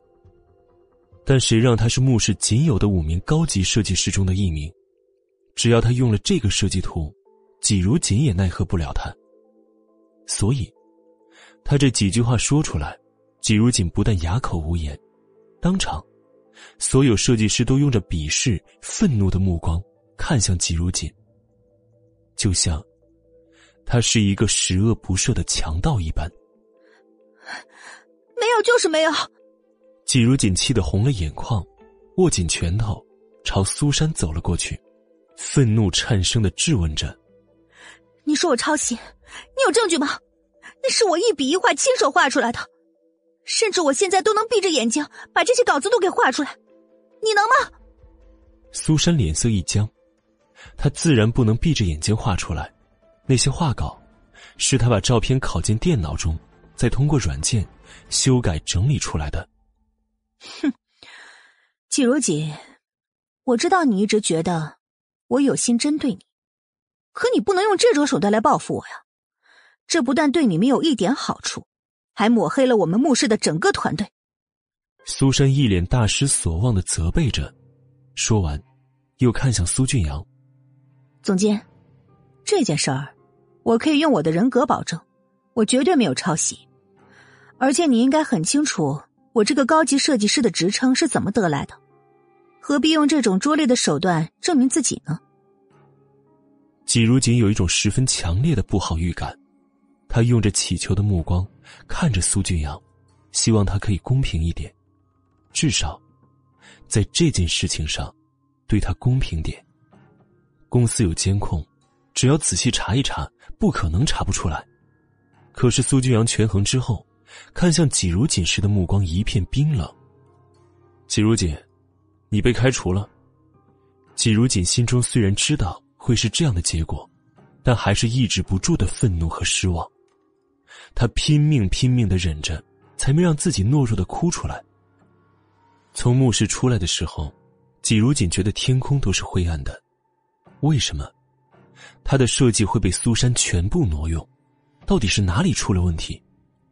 苏居阳趁机开除他，是为了替他的姐姐苏画铲除障碍。可他即使不能继续待在墓室实习，也不能背着抄袭的骂名离开。他一定要证明自己。可怎么证明呢？要不要找穆萧寒？但想到这几天他和穆萧寒见面时，都是一副陌生人的姿态，不禁打了退堂鼓。如姐，你怎么了？突然，一道声音在他身边响起，这才恍然转过头。啊，左先生。看到左印时，他感到尴尬极了。左印看着他一脸失魂落魄的从墓室出来，便开着车一路跟着，结果跟了一路，他竟没有半点察觉。上车，他不容反驳的命令着。季如锦点点头，爬上了后排的座位。发生什么事情了？这个时候不是应该在上班吗？左印看着他一脸灰心丧气的神情，就知道，怕是发生了什么不好的事情了。季如锦摇摇头，他怎么说，这种事情就算连自己都觉得别人不会相信的。你说出来，也许我可以帮你出出主意啊。左印对于他的防备感到很不悦，却仍是耐着性子开导着。季如锦仍是沉默，半晌，才答道：“你在前面的车站，把我放下吧。”他什么也不想说，他只想一个人静一静。左印目光沉了下来，踩了一下油门，加快速度。季如锦见他不但没有停下，反倒开得更快了。你放心，我不会把你卖了的。他透过后视镜看到他担心的神情，不由好笑。车子最终在山顶停下，下了车，季如锦站在观赏台前，怔怔的出神。唉，说吧。发生什么事情了？左印从车后面拿了一瓶水递给他。季如锦接过水，抿了抿唇。第一百五十集。这么说，你们上司为了维护公司的形象，包庇了那个抄袭者，而把你给开除了？左印听完，皱起了眉，心里涌起了一股浓浓的怒意。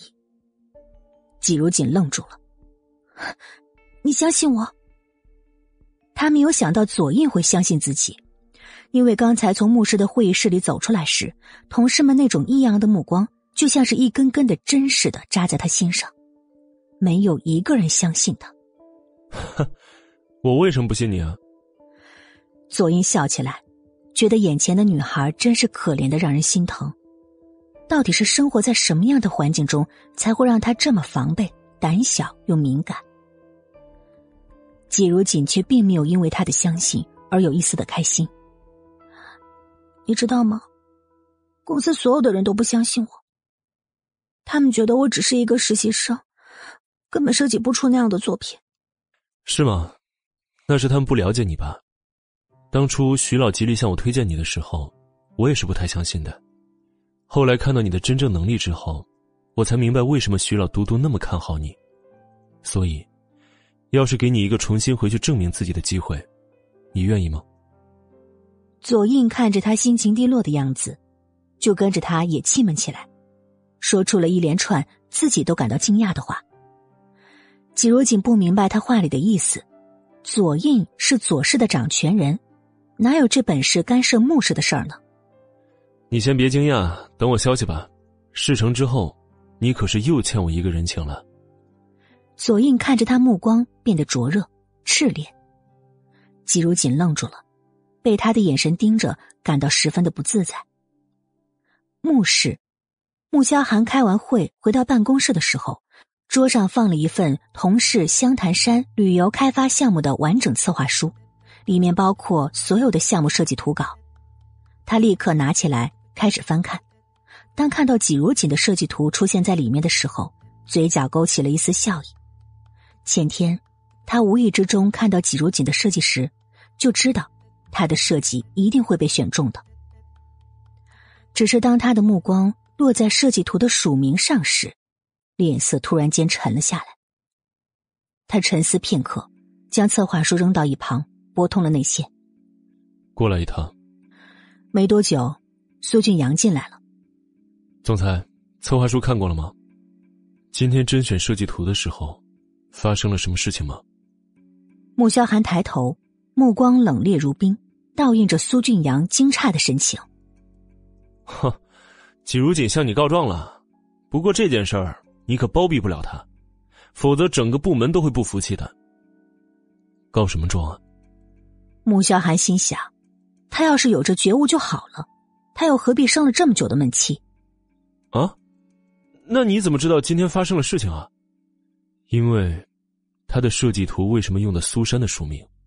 穆萧寒不知道抄袭事件，但直觉季如锦的设计图用的是苏珊的署名，便认定了季如锦一定是吃亏了，甚至有可能被潜规则了。而且以他那种软糯的性子，肯定受了欺负还不敢吭声。不得不说，穆萧寒对季如锦还真的是了解的透彻。那明明是苏珊设计的呀！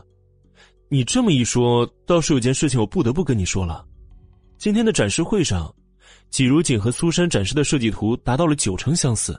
苏珊，你知道的，公司高级设计师，大小奖项拿了十多个，业绩也是五名高级设计师中最好的一个。苏俊阳一副理所当然的神情，可穆萧寒嘴里的冰冷的笑，让他心里渐渐的没底了。哼，所以。你就认定是季如锦抄袭苏珊了？穆萧寒怒极反笑。苏珊是什么样的人品，他不了解，但季如锦的性子他却很清楚。更别说他还有一些账没有跟苏珊算清，而他明知道季如锦是他的妻子，还敢干出这样的事来，简直就是该死。这，这也不是我一个人这样认为的呀，整个部门都这样认为呀。苏俊阳顿时有些心虚。他之所以毅然的开除季如锦，一是为了替姐姐扫清障碍，二是权衡利弊才做出这样的决定。但如果真的弄错了，他就不好做了。整个部门都这样认为，那你查清楚了吗？穆萧寒发出一声冰冷的嗤笑。苏俊阳知道，他既然这么断定，就一定是有原因的，否则不会看到策划书之后马上就把他叫过来追问了。这要怎么查呀？人都被开除了，难道他要推翻自己的决定吗？那他以后还有什么威信？本集播讲完毕。